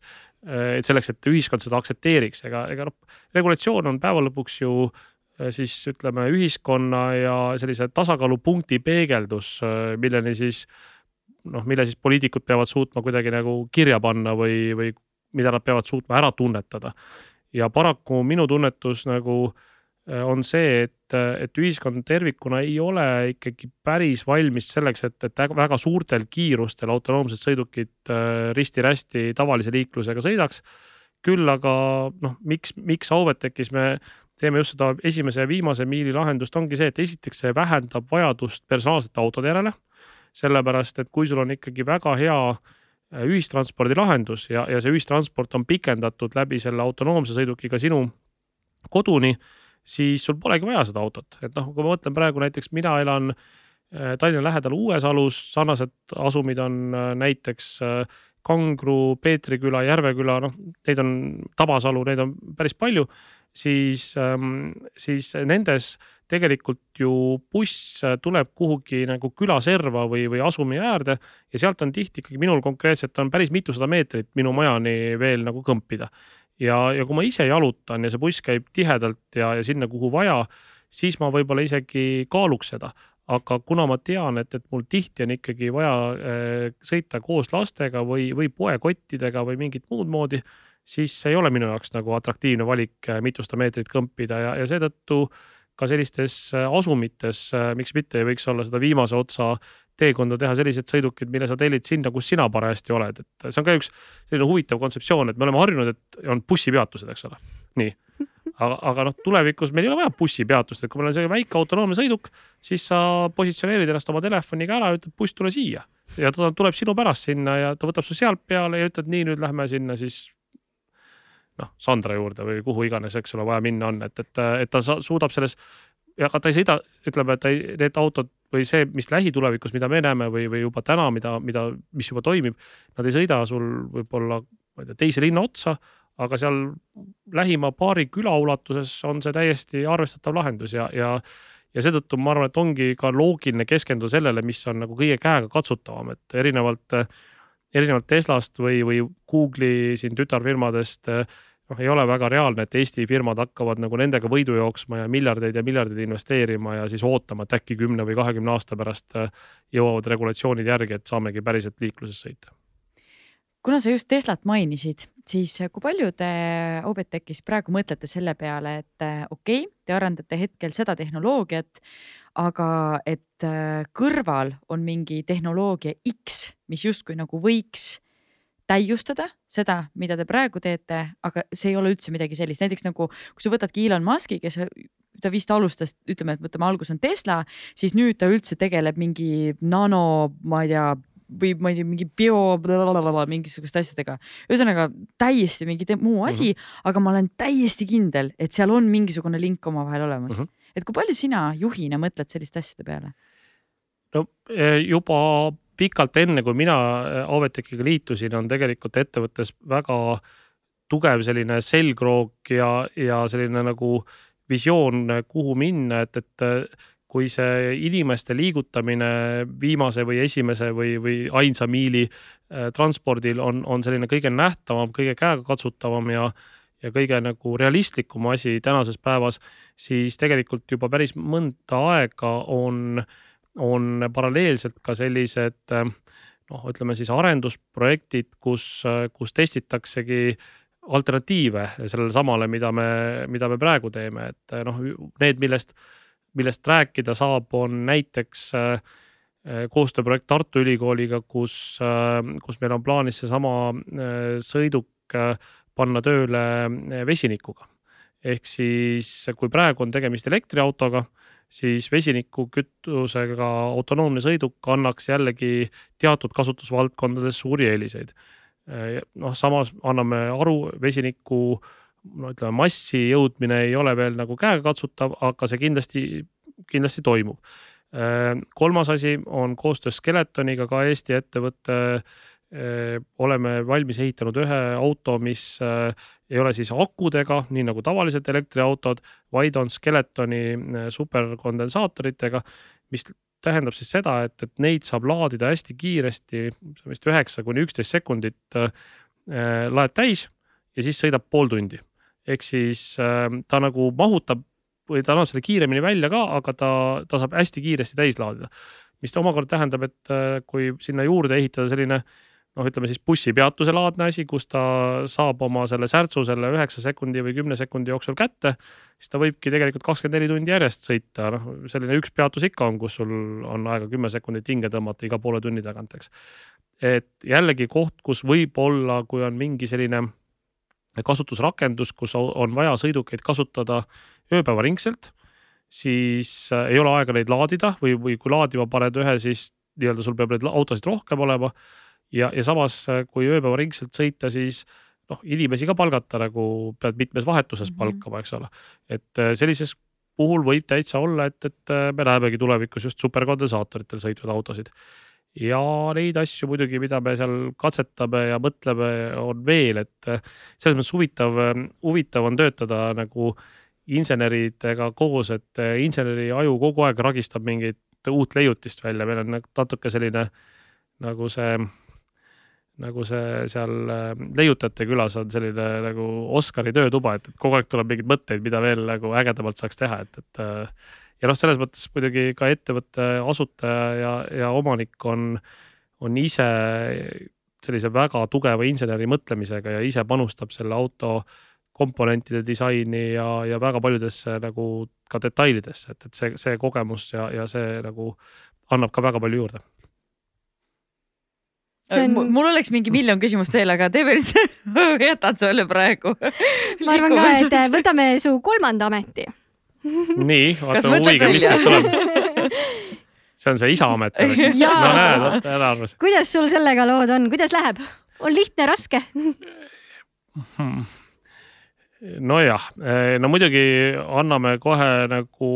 aru, et, et väga suur Äh, osa lapse kasvatamisest on meie peres äh, luisaõlgadel, et, äh, et ütleme, aga ma tõesti ikkagi püüan ikkagi oluliselt rohkem pühenduda ja kodus olla ja laste jaoks olemas olla, kui, kui see oli võimalik siis, kui oli poliitikas kõige intensiivsem aeg, et siis lihtsalt sul ei olegi nagu varianti, et sa, sa pead olema kogu aeg jooksus ja noh, Miinal selles mõttes oli päris keeruline kasvada peaministri tütrena ütleme nagu väga-väga sellise kõrgendatud tähelepanu all, et kõik, mis sa teed, ükskõik kas lasteaias või koolis, et kogu aeg on ikkagi noh, sa, sa, sa ei saa päris nagu vabalt võtta, eks ole. Ehm, no Miina või tähendab Uuma ja Hermaniga me oleme saanud ikkagi päris palju eh, rohkem ikkagi mängida, tegeleda ja, ja eks ma püüan natukene ka oma selliseid lapsepõlves ütleme siis välja elamata ambitsioone äh, Äh, siis noh, nagu ikka selline püüdlik lapsevanem, eks ole, püü-, püüan neid ka nagu nende peal siis välja elada, et äh, noh, Hermanil ja, ja varsti ka Uumal, ma arvan, et on ikkagi väga palju neid erinevaid äh, harrastusi või, või asju, mida nad on saanud vähemasti proovida ja nende hulgast siis need parimad välja valida, et praegu näiteks Hermaniga tuletame suusatamist meelde, esimest korda ta suusatas äh, ta ei olnud veel pooleteistaastanegi, kui me Lapimaal käisime nagu siis mitte seda sundsuusatamist, mida mida mitte seal, mitte seda sundsuusatamist, mida jah, siin eile, eile tehti seal Tartu või Otepää ja Elva vahel, vaid, vaid ikkagi sealt niimoodi mäest alla. ma, need, mis ma olen kuulnud oma, oma sõprade käest, siis ega see lihtne vist ei olnud eile, et, et äh, ikkagi väga palju pidamist ei olevat olnud. et, et ühesõnaga see mäest alla, mäest alla suuskadega sõitmine ja kõikvõimalikud sellised motospordid ja sellised asjad, et me ikkagi äh, noh, need on sellised asjad, mis on nagu, mis on minu peal, et, et, et lastele selgeks õpetada ja, ja Miinaga, Miinaga samamoodi, et, et Miina ka kasvõi võtame sellesama suusatamise ala, et algus oli nii, et, et äh, kohe üldse ei, ei julgenud ja kuidagi oli väga niimoodi alalhoidlik ja siis äh, siis äh, olime koos mäe peal Kelly Sildaruga ja Kelly ütles, et aga proovi hoopis tagurpidi. Ja mina ütlesin okei okay,, tagurpidi. Ja siis hakkas tagurpidi sõitma, eks ole, ja tänaseks teeb kõik trikid kaasa, et, et äh, jah, et eks, eks loomulikult äh, alati on see, vot see on küll see valdkond, kus on see tunne, et kogu aeg tahaks nagu rohkem ja rohkem panustada, et aga, aga ma julgeks öelda, teades, et Luisa on nüüd natuke kriitiline selle peale, aga ikkagi julgeks öelda, et ma ikkagi nagu vähemasti püüan ikkagi laste arengusse ikkagi päris palju pühendada ja neid nagu aidata neil leida selliseid harrastusi ja, ja asju, mis neile meeldiks see on väga huvitav, et sa ütlesid, et äh, sa püüad oma mingisuguseid realiseerimata tegevusi laste peal nagu välja elada mm. -hmm aga sa ütlesid seda, see, kõlas kuidagi nii positiivselt, sest et ma tavaliselt, kui ma seda kuulen või kui ma, kui ma nagu mõtlen selle peale, see kõlab kunagi kuidagi nagu negatiivselt või pealetrükkivalt. Aga sa, sa, sa panid selle kuidagi väga positiivselt. ja, aga no kui me mõtleme, et kui mina olin, eks ole, sama vana kui minu lapsed äh,, oligi, ütleme, Miina saab nüüd äh, homme kaksteist ja, ja mina olin siis samal ajal oli veel, põhimõtteliselt oligi see, kui Eesti, Eesti taasiseseisvus, eks ole. Ehk siis minu lapsepõlv kuni selle ajani oli möödunud äh, Nõukogude Liidu tingimustes, kus ma siiamaani imestan, et kuidas mu vanemad nagu suutsid üldse nagu, nagu ellu jääda ja, ja nagu võimaldada perele seda nagu normaalset elu, et, et see oli tegelikult nagu sihuke metsiku lääne tingimused, kus, kus nagu kogu aeg nagu raha väärtus muutus, midagi ei olnud saada, mingi, mingi noh, totaalne, totaalne hullumaja. Ja, ja loomulikult praegu on neid äh, võimalusi võrreldamatult palju rohkem ja, ja loomulikult äh, eks ma pingutan selle nimel, et, et olekski nagu lastel need võimalused äh, noh, võimalikult mitmekülgsed, samas ma pean ütlema, et ega tegelikult ka minu lapsepõlves kõik need, mis me enne rääkisime, need ütleme, kabed ja, ja pingpongid ja koroonad ja kõik nagu tolle aja võimaluste kohta oli ka tegelikult ikkagi noh, erinevaid asju, millega sai tegeleda, aga noh, see, mis täna võimalik on, noh, see on ikkagi hoopis teine maailm ja, ja sellest maailmast äh, tuleb püüda ju osa saada ja, ja see on ju äge, kui, kui ka lastel selline noh, huvi ja, ja siiras uudishimu on erinevate asjade vastu, et ma küll usun, et, et need nagu erinevate asjade järgi proovimine arendab neid, et nad nagu on selle võrra jällegi nagu siis nagu võib-olla kuidagi, kuidagi tublimad ka tulevikus. Aga siis on pigem see, et sa annad justkui nagu suuna kätte ja vaatad, et kuidas nad ise edasi tegutsevad või on ka pigem see, et, et sa annad suuna, siis sa näed, et nad väsivad, aga sa tegelikult tead, et see ei ole nagu, see on nagu noh, see on nagu sihuke allaandmise väsimus, et või et nagu palju sa push'id neid? no Miinaga me olime selles mõttes nagu vaata, see on su suur vahe, kas on esimene laps või kolmas laps, eks ole.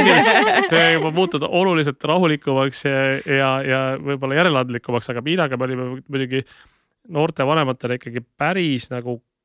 konkreetsed ja karmid selles mõttes, et noh, et ongi, kui sa võtad ette, ma ei tea, siin klaveriõpingud või viiuliõpingud või, või balletid või mis tal kõik on olnud, eks ole. et noh, siis ka nagu noh, ikkagi siis tuleb ka käia ja isegi kui see on nagu raske, eks ole aga, aga mingi hetk me saime nagu aru, et noh, üle ei tohi ka pingutada, et, et ta ikkagi peab saama ka ise nagu otsustada ja valida, et mis on need äh, harrastused, mis siis nagu sõelale jäävad ja noh, nii ka ei saa, et peale iga, iga äh, koolipäev on veel mingi ring ka otsa, et, et see nagu lihtsalt noh, lapse, lapse kurnab ka liigselt ära, et ühtepidi on see huvitav loomulikult, aga, aga no ei tohi nagu lihtsalt nagu liiale minna nende asjadega. aga Hermanni ja Uumaga, noh, nad on nagu veel nii noored, et nendel on esimene asi on lihtsalt see, et, et kui ongi mingi no ma ei tea, lähme ujuma või, või lähme, ütleme hästi-hästi palju lihtsalt ise võtame neid kaasa ja, ja noh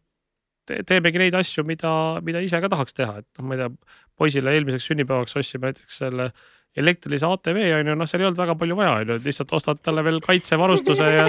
ja, ja enne järgmine hetk juba ei taha enam vaadata, kui, kui hulle trikke ta sellega teeb, et eks ta nii umbes läheb, et ja noh, Umaga muidugi ma mõtlen seda, Uma on muidugi veel nagu, ta kasvab, eks ole, vanema vennaga koos ja, ja ma arvan, et kui tema nüüd selle ATV peale istub, siis noh, ma arvan, et ta teeb veel hullemaid hüppeid kui Herman, et eks seda, et see, see on nagu huvitav fenomen jah, et kui sa vaatad nagu, kui, kui nagu kolmas laps kasvab nagu just nagu tüdrukuna nagu vanema venna eeskuju, et ta noh, ta, ta nagu mingit nagu pea ees mingit kuskilt mingid saldode tegemised ja sellised asjad on temale ikkagi väga omased ja, ja kõik vanema venna nagu sellised äh, hullud trikid teeb kohe järgi, et, et seda on nagu äge vaadata. natuke hirmus ka no sina oled neile õpetanud erinevaid asju, aga mida nemad sulle on õpetanud? oi, väga palju asju, no Miinaga meil on äh, hommikuti pikad vestlused, äh, kui me kooli sõidame ja, ja üldiselt muul ajal ka, et noh, Miina on täpselt selline life hack'i inimene, et ta ikkagi noh, igasuguseid imenippe ja asju, temaga tõesti on väga huvitav rääkida, see nagu mõtled, et kuidas see nüüd nii juhtus, et, et nagu alles oli väike laps ja nüüd on juba nagu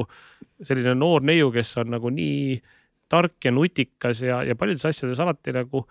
nagu tunnetadki, et vaata, et uus põlvkond mõtlebki nagu teistmoodi ja, ja nendel on oma mingid hoopis asjad, mis nende jaoks on täiesti elementaarsed, olgu selleks siis mingite tehnikalahenduste kasutamine või, või midagi muud, et noh. Ükspäev siin just Miinaga arutasime, et, et kui, kuidas sa seletad lapsele näiteks sellist äh, argilist, argiväljendit, et äh, pane toru hargile noh, et oli, olid sellised väljendid, eks ole, mis, mis toru, mis argile, mis asja. ja, ja ma mäletan kümme aastat tagasi näiteks äh, meil oli, me olime ühed, äh, ühed viimased Eestis, kes, äh, kellel oli see 3D televiisor ehk siis see, mis oli välja lülitades ka 3D, see kineskoop oli selline paksem, paksem variant onju. ja, ja siis Miina nagu kaheaastaselt umbes jah, kümme aastat tagasi nagu üritas seal swipe ida, et nagu miks ei tule siin nagu ekraanilt nagu mingi, mingi pilt ja noh, seda sama asi on nagu noh, Uma ja Hermaniga on veel nagu kordades ja kordades äh, rohkem äh,. mis on ka huvitav fenomen, on see, et, äh, et Herman näiteks äh, kui ta vaatab neid oma igasuguseid äh, Youtube'i asju, mida me ka ikkagi noh, püüame nagu valida, et mida ta vaatab ja, ja kui palju ta vaatab. aga ta on noh, ongi nelja-aastaselt on, on omandanud ikkagi ma ütleks päris korralikul suhtlustasemel inglise keele ja, ja noh, mitte niimoodi, et ütleb mingeid sõnu, vaid ta reaalselt ikkagi on nagu võimeline vestlema. mis on ka selline asi, mis hakkab mõtlema, et noh, mina nelja-aastaselt noh, mitte mingil juhul, et ma hakkasin alles, hakkasin koolis teises klassis seda vist õppima, ma isegi ei mäleta, mitmendas klassis, eks ole ja, ja siis ka alguses äh, kõigepealt ehmatati vene keelega kohe ära, et, et proovi seda kõigepealt alustuseks, eks ole. hea asi, millest alustada. ja see oli, see oli tõesti hea, et mul siiamaani, see on jälle üks siukseid lapsepõlve traumasid, et esimene asi, mis vene keele tunnis õpetati, see oli selline korralik muidugi soorollide põlistamise luuletus kuidagi või see nagu lugu, et see oli kuidagi nii, et äh, papa pašet polje i mama võtirajat passudu, et ehk siis äh, isa künnab põldu ja ema kuivatab nõusid et see oli, see oli esimene, noh, esimeses või teises klassis, ma ei mäleta, millal me seal seda vene keelt õppima hakkasime, aga trauma on nii suur, et need siiamaani, siiamaani meeles. no vot, et ühesõnaga jah, kus me nüüd, kus me nüüd alustasimegi et mida lapsed õpetanud sulle on, et siit on eh, päris, päris mitu asja juba tulnud, aga. on ja, ja, ja kogu aeg õpetavad tegelikult eh, see, mismoodi lapsed maailma näevad ja, ja noh, kindlasti see, et, et kuidas, kuidas tulevikus näiteks kasvõi need kanalid, kus uudiseid levitatakse, kus reklaami, kogu see maailm, kus, kus sul ei toimi enam see, kui sa paned üles suure plakati, vaid sa pead seda tegema läbi influencer ite, sedasama sõnumit saama kohale, eks ole, et, et kasvõi need asjad, et, et ja need on, need on laste jaoks nii enesestmõistetavad. Noh, teine asi, kui ma leian nagu seoseid näiteks Äh, laste mõtlemise ja oma töö vahel, siis, siis noh, minu vanemate põlvkond on, on selline, et äh, auto on äh, omand, et auto peab olema eelistatavalt enda oma, noh välja ostetud, kui võimalik, eks ole, et on, see on nagu sihuke, mis peab olema. Kui jällegi ma mõtlen nagu kolmkümmend aastat tagasi, siis, siis oligi auto oli eluks ajaks, eks ole, osteti see mingi Mosse või Žiguli ja, ja see noh, see oli nagu põhimõtteliselt tänases mõistes kinnisvara. ja, ja minu jaoks on auto selline, et noh ma ikkagi nagu peaks olema mingi auto kuidagi, noh, aga see on nagu pigem selline, et, et kas ta on siis kuidagi nagu liisingus, rendis, et ta ei pea olema kuidagi, ma ei käsitle seda omandina. ja kui ma mõtlen äh, oma laste põlvkonna peale, siis noh, Miina jaoks on küsimus see, et kuidas jõuda punktist A punkti B ja ta ei mõtle selle peale, et igaüks peab oma autot omama või noh, ta mõtleb ka, mõtleb ka väga selliselt, et et auto peab olema keskkonnasäästlik, et talle väga meeldib see mõte, et, et tuleb sõita elektriautoga, mitte, mitte sellisega, mis hirmsasti tossab, eks ole.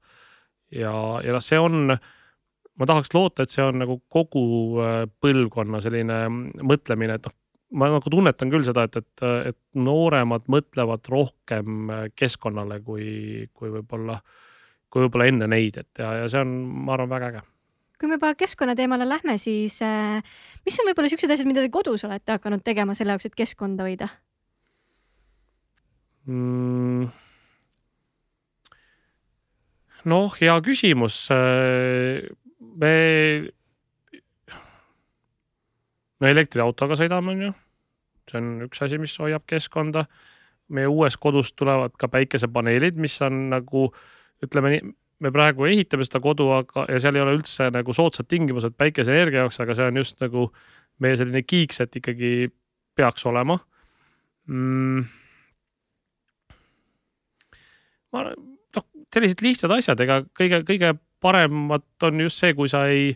ei kuluta energiat, kui sa suudad teha need lahendused selliselt, et sul on äh, võimalikult energiat säästev äh,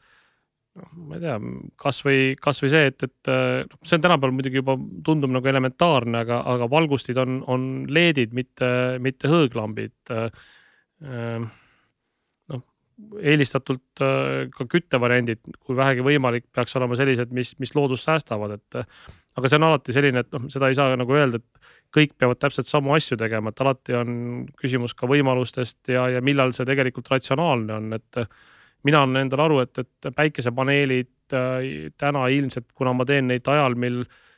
ei ole teada, et üldse mingit nagu toetust oleks ja ma teen nagu oma tarbimise vastu, siis ma arvan, et pigem ilmselt ei ole mingi liiga nagu investeeringuna liiga mõistlik. aga samas noh, mulle meeldib see põhimõte, et mul nagu maja nagu päike ju päike niikuinii särab, eks ole, et noh. Eestis siis... vaata ei tea, kas särab no,.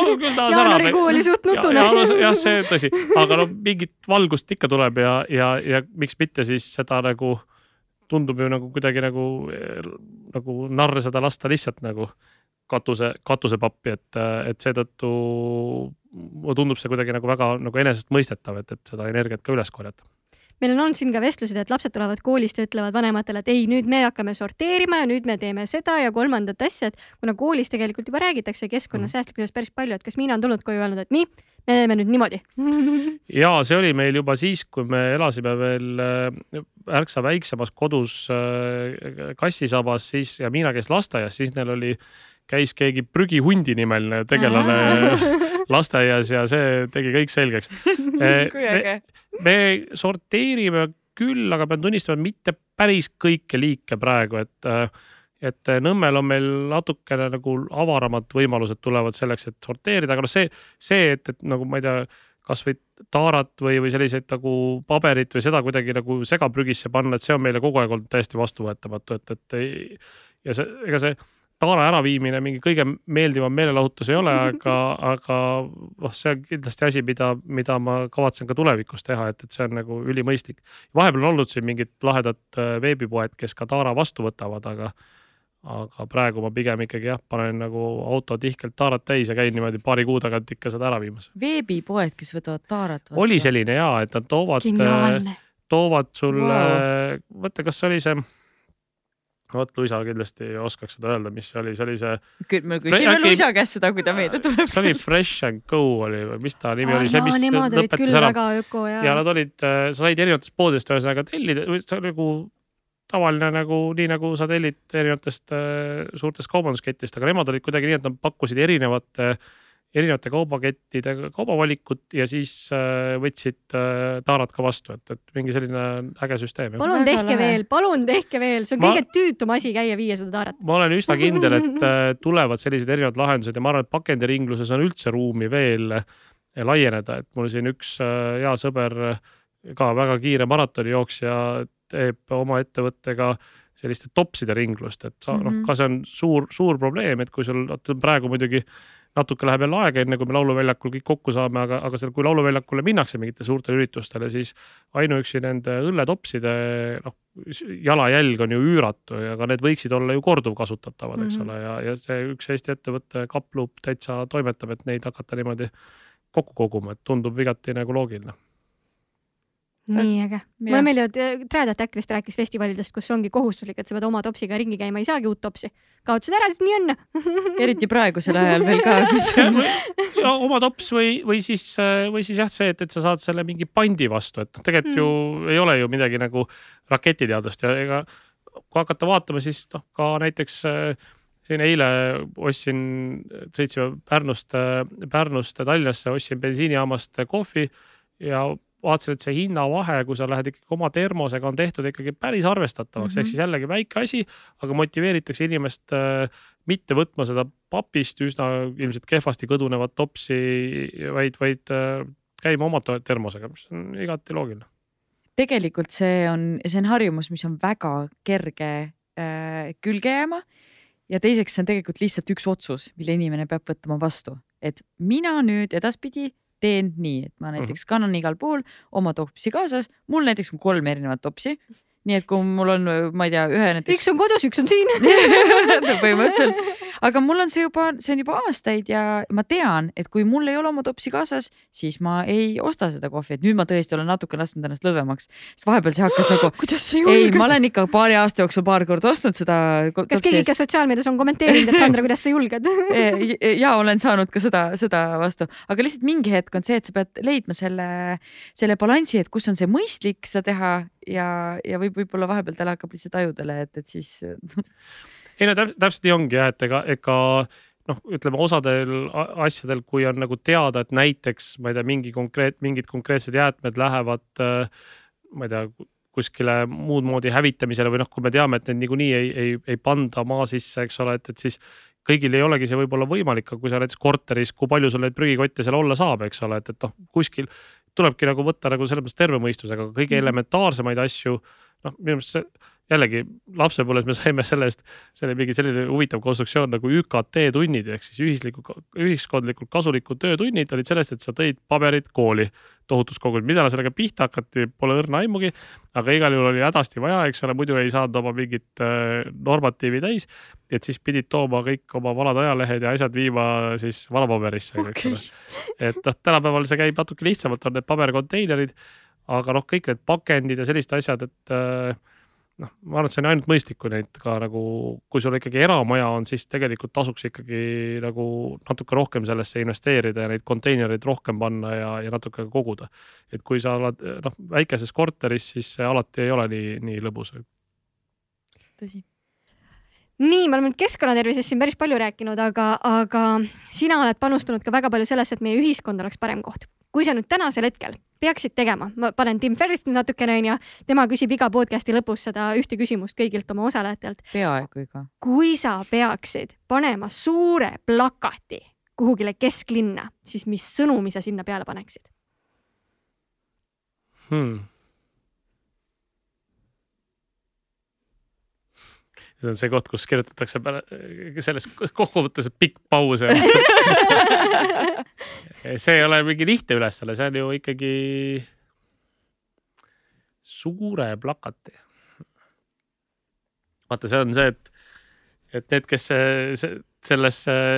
sinu nimetatud äh, siis külas käivad, need juba teavad ilmselt ette, et see küsimus tuleb, siis nad jõuavad valmis mõelda. see on iga kord väga keeruline minu arust, et kõigil külalistel on see, et tegelikult on ju nii palju asju, mida tahaks öelda või muuta, aga see lõpuks aitabki selle fookuse tõmmata, et mis on siis põhisõnum, mida sina tahaksid ühiskonnale edastada? Äh, mul ühe, ühe kolleegi siis kontori seinal oli see, ma isegi ei tea, mis, mis asjaoludel see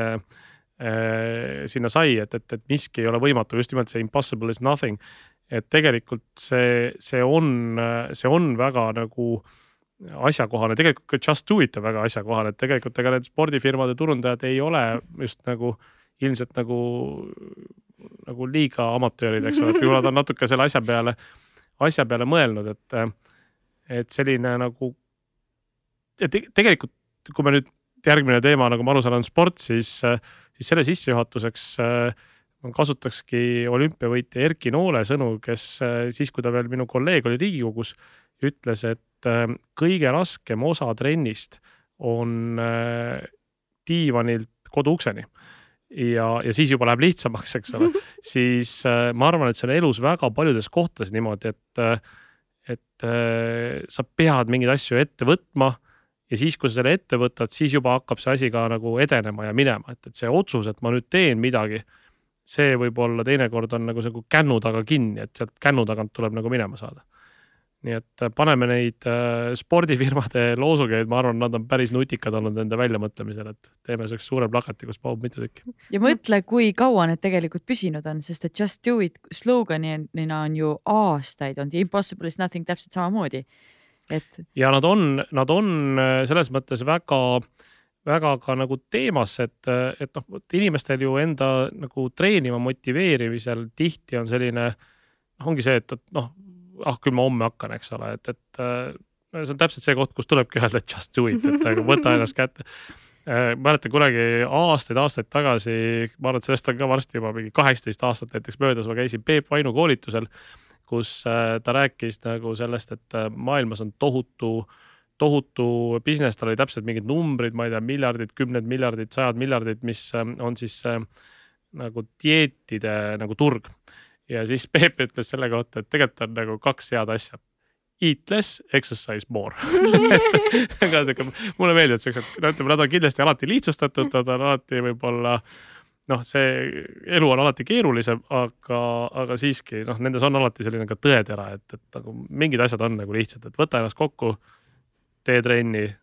söö vähem. söö vähem, no. see on täiesti õige. kas, kas söö vähem või, või noh, söö nagu. triatloni puhul ei saa öelda, et söö vähem, seal on söö rohkem. söö mõistlikult on ju. ma olin ka väga üllatunud, et me siin käisime, käisime arstlikus ülevaatuses ja küsisin, et noh, mis siis süüa ja midagi. esimene asi, mis öeldi, punast liha. see oli küll üllatus, et ma mõtlesin, ma pean nüüd hakkama mingeid, ma ei tea, mingeid täistera, täistera mingeid asju ainult sööma, aga ei. Öeldi, et kõike võib süüa, lihtsalt trenni tuleb palju teha mm.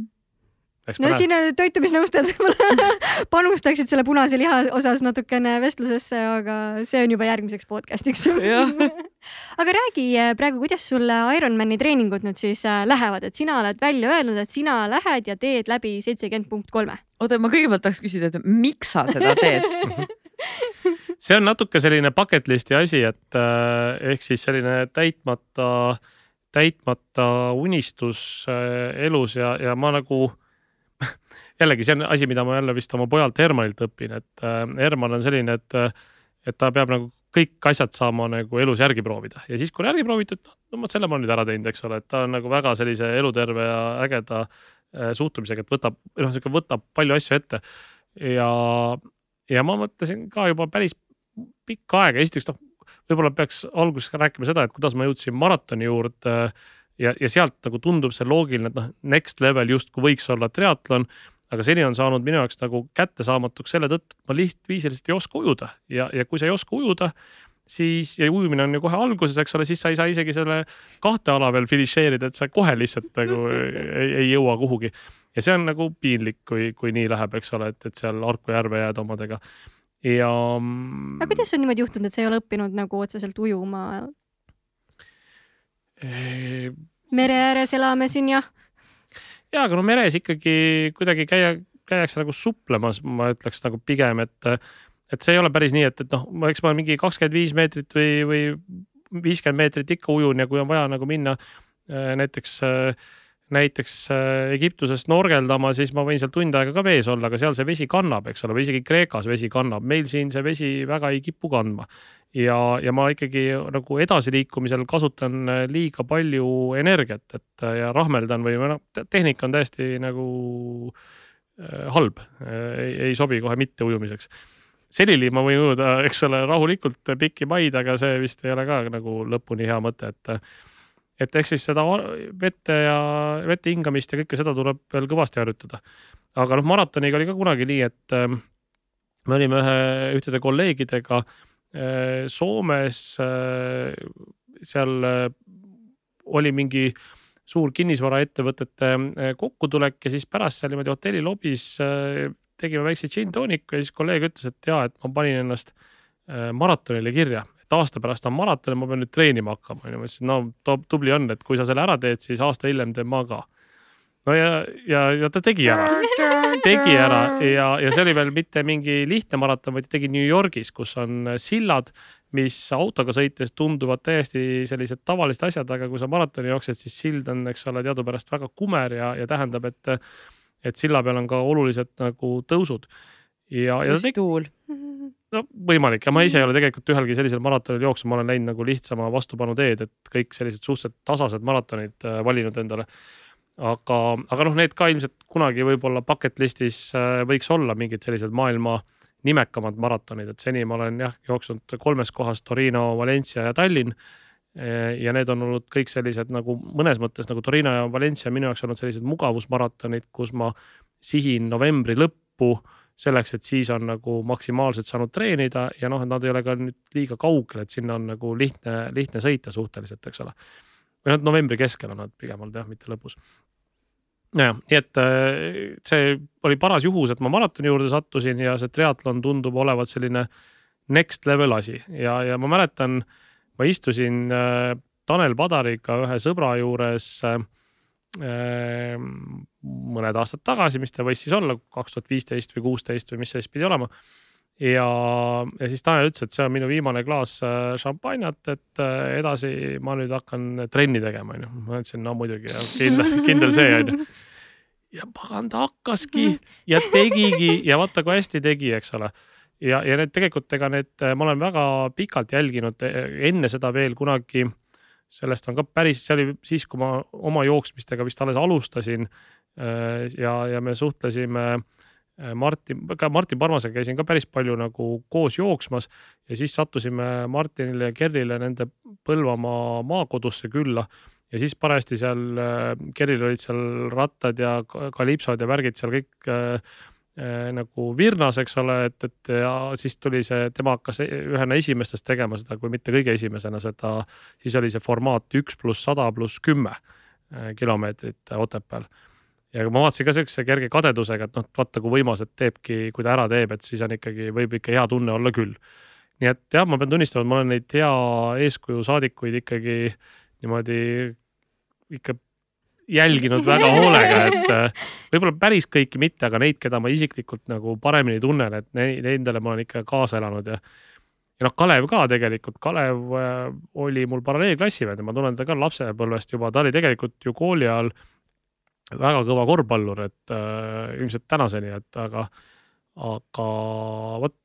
noh, kihvt vaadata, et nagu võttis kätte jällegi noh, teise, teise valdkonna, eks te kõik, kes on olnud või Robert Kitt näiteks, eks ole, kõik on olnud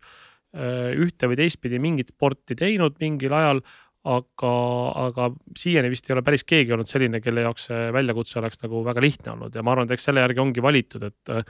et noh, kui see oleks nagu liiga lihtne, siis poleks seal ju, siis poleks ka seda nagu, siis võikski igaüks seda teha, et aga, aga noh eks ilmselt võibki igaüks, aga see lihtsalt vajab nagu pühendumist ja tahtejõudu ja, ja no vaatame, kuidas meil sellega läheb nüüd on välja öeldud, nüüd peab ikka minema ju. No eks see avalikkuse nagu tähelepanu all selle väljaütlemine oli mõnes mõttes ongi nagu minu jaoks ka selline teadlik enesepiitsutamise surve, et, et äh, elus on nii palju põnevat, et äh, alati on selline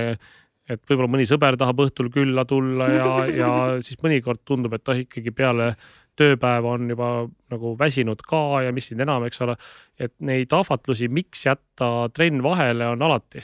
ja, ja selleks, et, et äh, ikkagi need trennid tehtud saaks, ongi kõige parem see, et sa tead, et sul on mingi kuupäev kus sul on mingi oluline võistlus ja sa pead oma tulemuse ära tegema või sa pead sinna nagu jõudma, et muidu nagu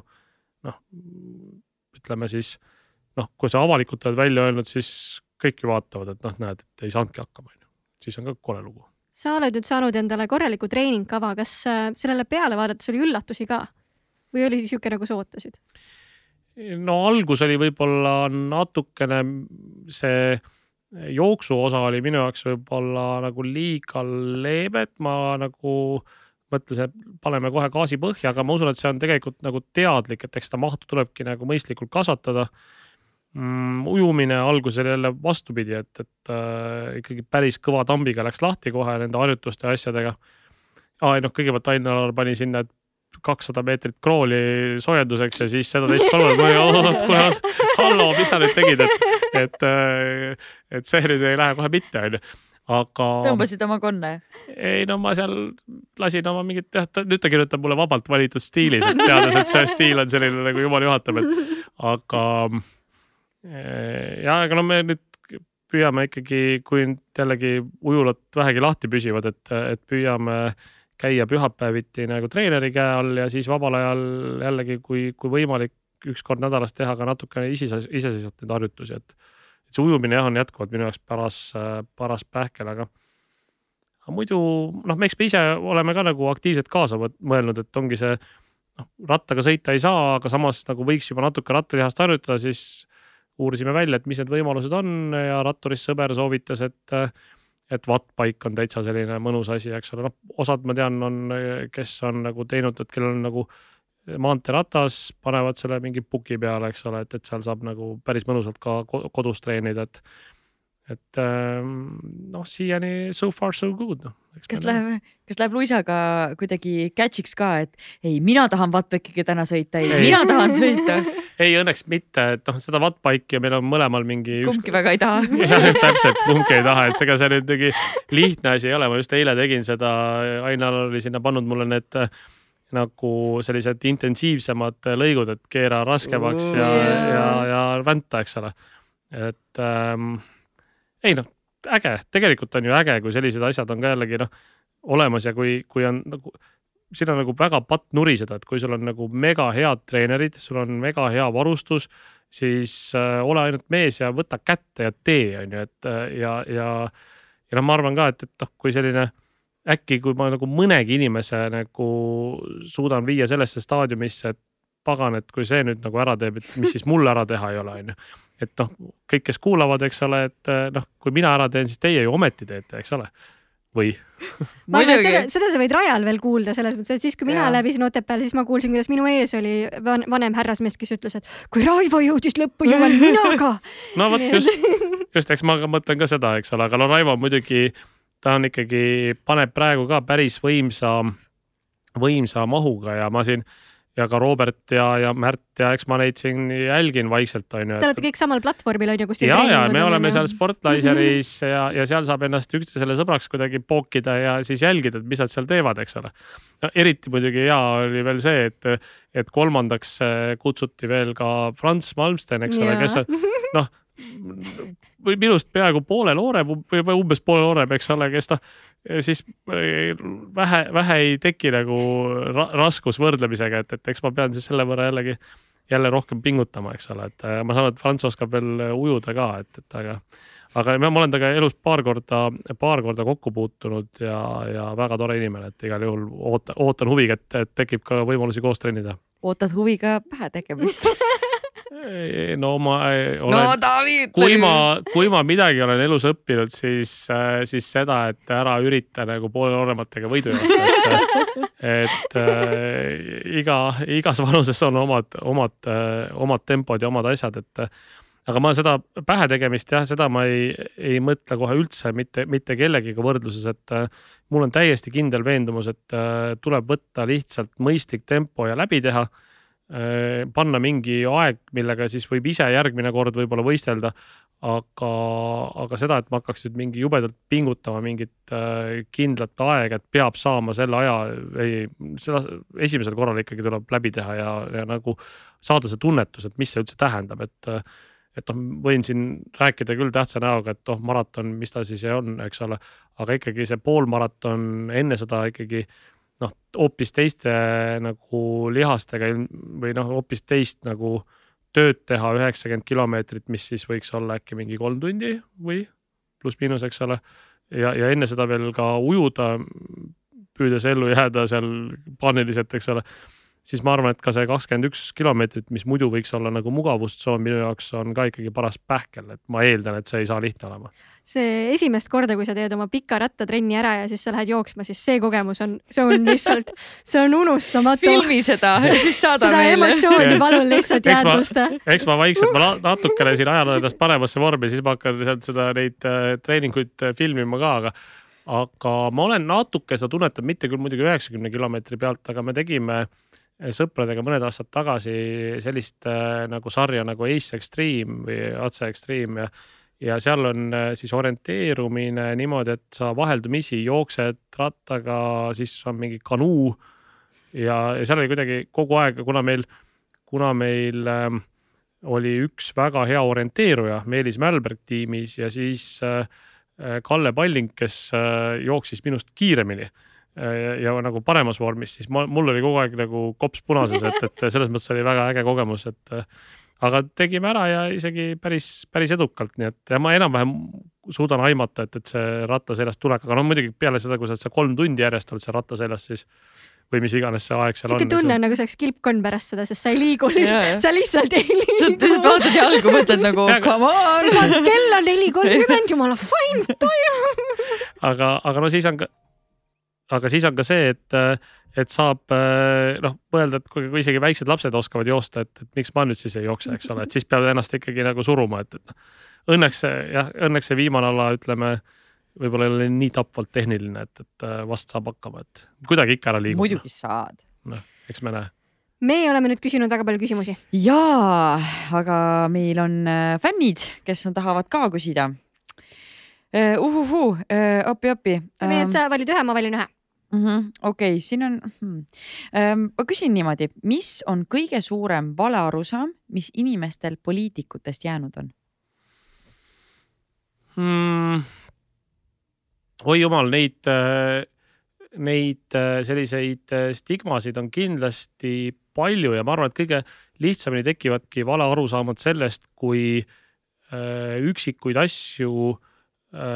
nagu ekstrapoleerida kõigi peale või nagu laiendada kõigile. et nii nagu kõikide ühiskonnagruppide hulgas on ka poliitikute hulgas alati nagu neid, kes on teinud erinevaid vigu aga, aga eh, hästi nagu sageli kiputakse jah tegema seda, et noh, ma ei tea, keegi Riigikogus kasutab kuluhüvitist mingiks valeks asjaks ja siis kohe üldistatakse, et vot see kuluhüvitis ongi üks halb asi, eks ole mm, -hmm. või et, et eh, noh, kõik need poliitikud on ühed siuksed ja siis nagu pange ise sinna mingi selline omadussõna, eks ole. et ma arvan, et see on nagu kõige suurem, et ega nii nagu ei ole ei ole, ma ei tea, arstid ja õpetajad ja poemüüjad kõik äh, homogeenne grupp, siis täpselt samamoodi ei ole kõik poliitikud ja, ja lihtsalt see avalikkuse tähelepanu all äh,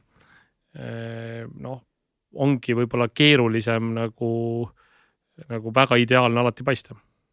ma vaatan siit, kas on juurde tulnud midagi. mina tahan Eesti Laulu kohta küsida nii et naa, nii et. no küsi. ja meil on tegelikult juba ajalised. muusika, muusikaeksperdi käest küsitakse ei, tegelikult on väga lihtne küsimus, et äh, kas sa vaatad Eesti Laulu ja kellele sa kaasa elad? ja vaatan ja ma tean ka, kes võidab, sellepärast et siin ei ole üldse mingit äh.... oota, me saame nüüd selle ennustuse ära teha, sellepärast et see läheb ju pärast eetrisse, kui see finaal on ära olnud, nii et nojah, aga siis võib, äh, siis võib, siis te juba teate, onju, siis ei ole enam huvitav, aga, aga ei, no ma olen üsna kindel, et, äh, et selle korra ikkagi parim laul on uh, Do you remember? Või, või Could have been beautiful on selle laulu nimi. Do you remember, ta algab nende sõnadega yeah., muidugi see lihtsalt kummitab mind. see We could have been beautiful muidugi. ja, ja Koidu laul, ma ei ole siin päris erapooletu, onju. aga ma, eh, aga hoian Koidule igal juhul pöialt. Eh, on olnud äh, häid laule kindlasti veel, osad on juba ka välja langenud. mis on äge, on see, et lastele mingil mõneti arusaamatul põhjusel, aga siiski äh, meeldib. redel. no muidugi, muidugi, aga, aga no ma siiski arvan, et, et ka see redeli mehed ise ei arva, et nad nüüd peaks ilmtingimata Eurovisioonil Eestit esindama. ja, ja kui ma mõtlen, kes võiks olla nagu kõige tõsisem äh, konkurent Koidu jaoks, siis tänase seisuga mulle tundub, et see on Jüri. et noh, muidugi Uku on ka kindlasti väga tugev, aga mulle tundub, et see ütleme, Uku laul ja kuna ikkagi valitakse ju laulu, siis täna ikkagi ma ütleks, et see, selles valikus pingerida jääb Koit äh,, Jüri ja Uku väga mehine eesliin ja ma ei välistaks Kadri sinna Voorand on ka minu arust. Kadri ja, ja ka suured tüdrukud äh, laulsid ja. muidugi mega hästi poolfinaalis ja, ja tõesti noh, seda, seda siin isegi teles äh, võeti nagu, võeti nagu arvustada, et, et, et kuidas kellelgi see, see viisipidamine või lavanärv, eks see noh, mina ei kujutagi ette, kuidas on üldse võimalik nagu sellises formaadis nagu äh,, nagu noh, see on ikkagi ka, ka nagu kõnet pidades ikkagi või, või noh, ka olukorras, kus sa ei pea nagu iga nooti pihta, pihta saama, isegi siis on nagu alati mingid sellised äh, kerged eh, ärevused või sellised nagu noh, see emotsioon on üleval, eks ole, et aga jah, Kadri ja, ja suured tüdrukud teises poolfinaalis olid muidugi omaette, omaette tase ja mm. -hmm. ja selle jällegi, kas need laulud on nüüd sellised, et, et nendega äh, nüüd äh, Eurovisioonil Eestit esindada, eks seda näitab, mis, mis siis siin, ma ei teagi, kas žürii või rahvas või kes siin nüüd valib, aga kõik kokku ikka. Il- ilmselt nii jah, et, et, et ma, ma arvan, ütleks, et äh, nuriseda oleks patt, et on ilusaid lugusid tehtud ja on ägedaid videosid tehtud ja, ja tegelikult ega ju meelelahutajate jaoks on see olnud väga raske aasta ja mm. -hmm. tegelikult äh, tasub neile kõigile pöialt hoida, et nad on näinud kõvasti vaeva, teinud, teinud tegelikult nagu väga suuri pingutusi ja, ja kokku siis, mis meil oli siin kakskümmend neli või palju neid kokku neid laule sinna poolfinaalidesse jõudis, et äh, ei ole sellel Eesti muusika tasemel aastal kaks tuhat kakskümmend üks häda midagi, et täitsa, täitsa korralik esitusi oli. nõus. nõus. viimane küsimus. kas oled pettunud, kui sul Ironmani läbida ei õnnestu või osavõtt on pool võitu? muidugi olen pettunud, kui ei õnnestu, siis ma pean minema kindlasti uuesti üritama, sest ma nagu põhimõtteliselt äh, ei ole nagu poolelijätja tüüp. aga noh, ma annan aru, et, et, et kui peaks olema mingi äh, kas siis mingi noh, vigastus või, või, või mingi tervisejama, et, et noh, nagu tapma ei ole ka mõtet minna, et siis tuleb nagu võtta terve mõistusega ja, ja teha see aasta hiljem ära, et, et et jah, mul on olnud ka sõpradel selliseid asju, et, et kes on võtnud nagu plaani mingi suure võistluse ja, ja noh, mingil põhjusel, mis on täitsa objektiivselt olnud, ei ole see võimalik olnud ja on, on teinud selle järgmisel aastal ära, nii et, et äh, muidugi tahaks kohe esimese korraga ja ma usun, et kui kõik võimalused selleks on, siis nii, nii teemegi. aga kui peaks tulema mingi ettenägematu asi vahele, siis äh, siis ei ole sellest ka midagi muud hirmsat, kui tuleb, tuleb lihtsalt äh, järgmisel aastal teha. aga võtame ikka plaani nüüd selle, et muidugi. augustis, mis ta meil oli, kaheksandal vist ja on see seitsekümmend punkt kolm seekord ja järgmine kord täispikk. tead seda täispikka asja ma ütlen sulle finišis, et äh, ma nagu ei ütle kaks nädalat peale finišis finišis sa ei taha. samas mina ütlesin finišis, et tahaks minna, nii et no, ma, ma arvan, kui ütleme selle, seda, vot noh, esimese maratoni finišis ma olin juba täiesti kindel, et ma jooksen maratone veel. sest see oli ikkagi erakordselt hea tunne ja, ja muidugi see oli raske, muidugi selle eneseületamine, aga noh, sa sa said aru, et okei okay,, see on võimalik, eks. noh, ma kõigepealt äh, tahaks nagu näha, et, et mis tunne on ujuda see üks koma üheksa kilomeetrit äh, selles äh, imeilusas Harku järves oma lapsepõlvemaal, eks ole. et, et kui, kui see tundub nagu mõistlik, noh, mul siin üks, üks trennikaaslane rääkis, et äh, tema oli niimoodi teinud, et, et äh, oli läinud äh, sellele rahulikule nagu lõdvestusujumisele ja siis oli vaadanud kella, et ohoh, ma olen siin neli kilomeetrit ujunud mingi, mis iganes see aeg siis oli, mis oli kenasti mahtus nagu sinna triatloni piiridesse, oli, oli lõdvestust ja siis okei okay,, ta oli just pooliku teinud, eks ole, ja siis läks, ütles, et okei okay,, et aga ma ei ole kunagi üle saja kilomeetri rattaga sõitnud, läks proovis, sõitis sada kolmkümmend. ah, maratoni ma olen jooksnud ja pani samal, samal aastal pani nagu täispikale wow. Ka kirja, onju et äh, vot ja nüüd ongi Ironman, eks ole, et äh, ma loodan, et ta tuleb äh, sel aastal ka, nii et, aga noh, temaga ma muidugi jällegi äh, nagu ennast äh, kuidagi võrdlema ei hakka, et, et jällegi esimene kord tuleb võtta rahulikult ja, ja mitte minna nagu noh, liiga nagu liiga härjaks ei tasu ka minna, et, et tuleb ära teha, tuleb äh, rõõmu tunda niimoodi, et, et tekib ikkagi tunne, et järgmine kord tahaks ka ja tahaks veel paremini. Äh, ma ei tea, kas sa saad sellele küsimusele vastata, aga kas, kas sa Luisaga ka natuke võistled või? ei võista. ma, ma olen üsna kindel, et, et ujumises on tema tugevam äh, ka siis, noh, praegu ta on kindlasti tugevam, siin ei ole üldse mingit küsimustki. ja muudes alades äh, on jällegi mul väga tugev eelis, et, et äh, ma ei, ma ei, vastupidi, ma nagu pigem nagu muretsen, et, et ta nagu ka ikkagi oma need äh, just nagu ratta ja jooksukilomeetrid nagu tehtud saaks. see, et ta ära ujub, selles ma ei, ei kahtle. Äh, ja,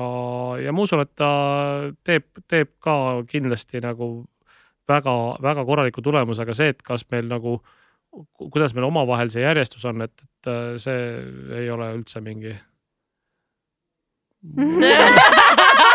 või eks vaata eks, eks see, eks see selgub, eks see selgub siis, kui see muidugi üritus käes on, et eks vaatame, mis Luisa ütleb, et ta tuleb teil ka varsti siia, et siis ta kindlasti ütleb, et oi, selle Taavile teeme igal juhul ära, et. aga ei no ma tegelikult täitsa tõsiselt, et praegu me pigem ikkagi kõige, kõige nagu keerulisem on see, et, et kuidas me nagu klapitame seda, et nüüd nagu saaks nagu oma trennid tehtud, eks ole, et nüüd noh, pühapäeviti on on mul ema käinud äh, lapsi hoidmas, et, et see on selline koht, kus me koos peame trennis käima, enamikel muudel aegadel mina teen peale tööpäeva lõppu, siis on Luisa lastega kodus ja ja, ja Luisa teeb äh, tööpäeva ajal, kui, kui Miina on koolis ja väiksemad on lapsehoidjaga, et et seda me isegi koos väga trenni ei tee, et ega ma ei tea, võib-olla ta nüüd juba jookseb siukse hooga, et hoiab üldse kinni. aga siiski ma jah arvan, et, et ratta puhtalt sellest nagu varasemast äh, varasemast äh, nagu treeningmahust ma ütleks, et noh, puht ja, ja sellest, et ma ka nagu noh, ka nagu ikkagi nagu mehena mul arvan, et on nagu, lihtsalt oleks nagu e-, ebaaus nagu arvata, et ta peab nagu tükk, tükk maad lühemana nagu sama, sama kiiresti liikuma, et, et see, lihtsalt nagu Tõsi. matemaatiliselt on keerulisem tema poolt, aga, aga, aga no ma arvan, et ta on nii nii nagu visa, et ta, ta kindlalt teeb selle ära, et ma mäletan, kui me kunagi käisime, käisime Helsingi ööjooksul, mis oli kümme kilomeetrit jõhkralt reljeefne rada, on ju. ja noh, Luisa muidugi jooksutrenni oli teinud suhteliselt mõõdukalt, eks ole. aga ta oli teinud mingeid hoopis teisi trenne ja, ja ütles, et ah, mis siis ära ei ole, kümme kilomeetrit on ju, ja no, kuidas ta tuli hambad ristis ja noh, lõpus tegi veel siukest sporti ka, eks ole, aga. aga noh, samas praegu ikkagi me ju teeme ikkagi nii palju trenni, et et ähm, natuke on see ettevalmistusperiood natuke lühem, kui ta võiks olla, et ma arvan, et ideaalne oleks kuskil aasta teha trenni enne äh, nagu, nagu sihikindlalt, aga, aga noh, samas noh, ilusad ilmad on veel ees ja, ja tegelikult nagu vabandusi on nagu raske leida, eks ole, et, et siis tuleb see ära teha ja siin on olnud ka mõned hea eeskuju projektid, mis on olnud äh, neljakuuse ettevalmistusega mm. -hmm. siis kui Otepää oli veel meil juunikuus, et siis äh, mõned kampaaniad on läinud ka hilisemalt, et mm. -hmm no aga see peab siis olema mingi, siis peab ikka põhi ikka jube hea olema, et, et või siis ei peab. ei olnud neil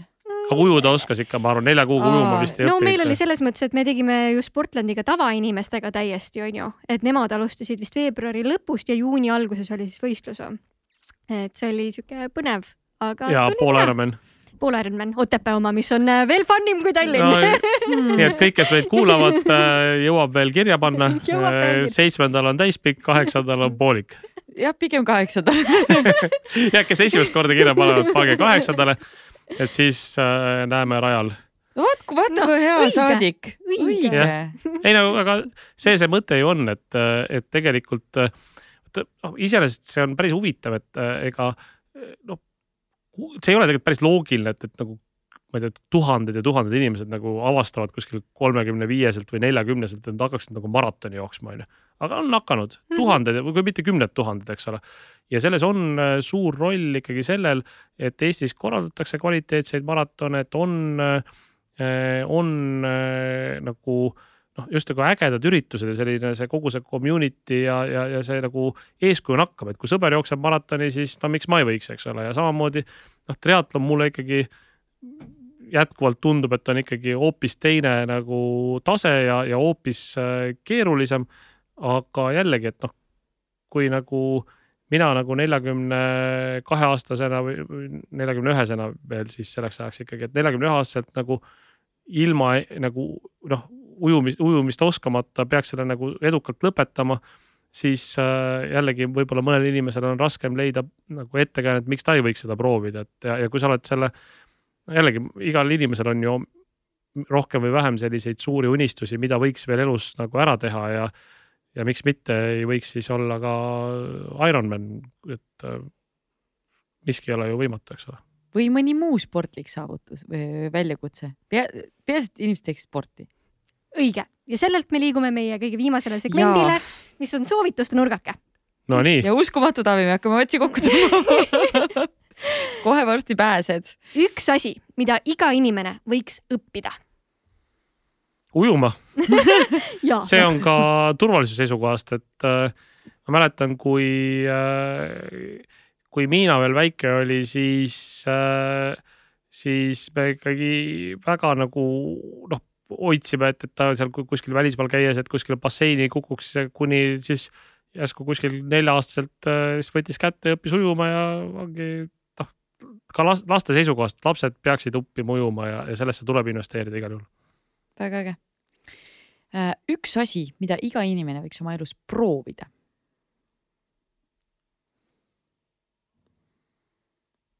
Mm. no võiks ju öelda, et, et triatloni teha, eks ole, aga see on võib-olla, võib-olla nagu liiga julge avaldus, et.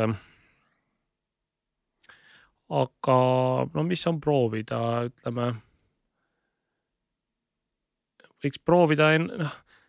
laiemas mõttes ennast proovile panna, miks mitte ka, ka sportlikult, et endale võimete kohaselt äh, luua selline treeningrutiin, mis, mis äh, hoiab heas toonuses, et see aitab, aitab äh, väga paljudes asjades, aitab ka, ka tööl paremini hakkama saada ja ja, ja kõige valem on see, et, et mul ei ole aega. et noh, see on kõige klassikalisem vabandus, eks ole, aga noh, kui, kui saab, kui saab äh, president Tartu maratoni nagu läbi sõita, siis äh, küllap saavad teised ka. väga õige. viimane soovitus, üks teos, mida võiks äh, tarbida, olgu see siis raamat, podcast, film, näidend. oi, kui neid asju on ju kümneid, mida tahaks hirmsasti soovitada erinevatele sihtgruppidele, et äh, oi, no seda meie podcast'i peaks kõik kuulama muidugi, mida siin praegu teeme, see on üks, mis selge ehm,. No, no Eesti filmidest, kui sa niimoodi suunavalt ütled, siis ma ütleks, et, et O2 on selline, mis äh, esiteks on hästi tehtud äh, ja mis tegelikult paneb ka mõtlema, et äh, et kui habras see, see ühe riigi vabadus on, et väga nagu minu jaoks väga emotsionaalne kogemus. ja, ja ütleme minu selline, kui mõelda jällegi nüüd nagu trenni kontekstis, siis minu kõige parem sõber on äh, Audible nimeline programm, kust ma siis äh, kuulan erinevaid raamatuid, aga sama muidugi kehtib ka ka eestikeelsete ju podcast'ide ja, ja miks mitte audioraamatute puhul, et et see on küll trennil, aitab nagu palju kergemini kulgeda, eriti just jooksu puhul, kui sa ei pea nagu väga palju nagu noh, ütleme siis ei ole nagu võib-olla rattaga see on natuke keerulisem, et kui sa kõrvad kinni paned ja, ja võib-olla oled rohkem liikluses. aga kui sa saad nagu joostes midagi nagu kuulata just nagu mõtestatult, siis see on nagu aeg, mis, mis läheb palju paremini ja sama on ka tegelikult, kui on nagu pikemad autosõidud, et Mhm. et ma väga-väga hea meelega kuulan nagu erinevaid, erinevaid raamatuid, et noh. lugemiseks aega võtta, eriti kui on, lapsed tahavad kodus oma tähelepanu, on nagu palju-palju keerulisem, aga, aga trenni ajal midagi kuulata, absoluutselt. Ja mõned raamatud on kordades paremad Audible'is, eriti kui näiteks Barack Obama või Michelle Obama sulle otse kõrva räägivad. ja eh, muidugi ja eh, Michelle Obama, Barack Obama ja David Cameron, kõik on näiteks noh, ise, ise lugenud just vaatasin, et ka Margaret Thatcheri memuaarid on, on, ei ole seda veel eh, kuulanud, aga on ka tema enda sisse loetuna, et mina ka eelistan väga nagu just, kui autor ise loeb ja eriti kui need autorid on sellised noh, inimesed, keda, kellest ise nagu, kellest ise väga-väga nagu kõrgelt arvad. nii, Vau, soovitused antud, spordist räägitud, maailmast räägitud, kõigest räägitud. aitäh, Taavi, et sa meile külla tulid. aitäh kutsumast ja loodetavasti siis seda meie podcast'i kuulatakse ka sellise mõnusa paaritunnise trenni taustaks, et, et äh, loodetavasti on, mida, mida järgi mõelda. on, kindlasti on. aitäh, kõik kuulajad ja vaatajad ja järgmise korrani. Sportland, Be First podcast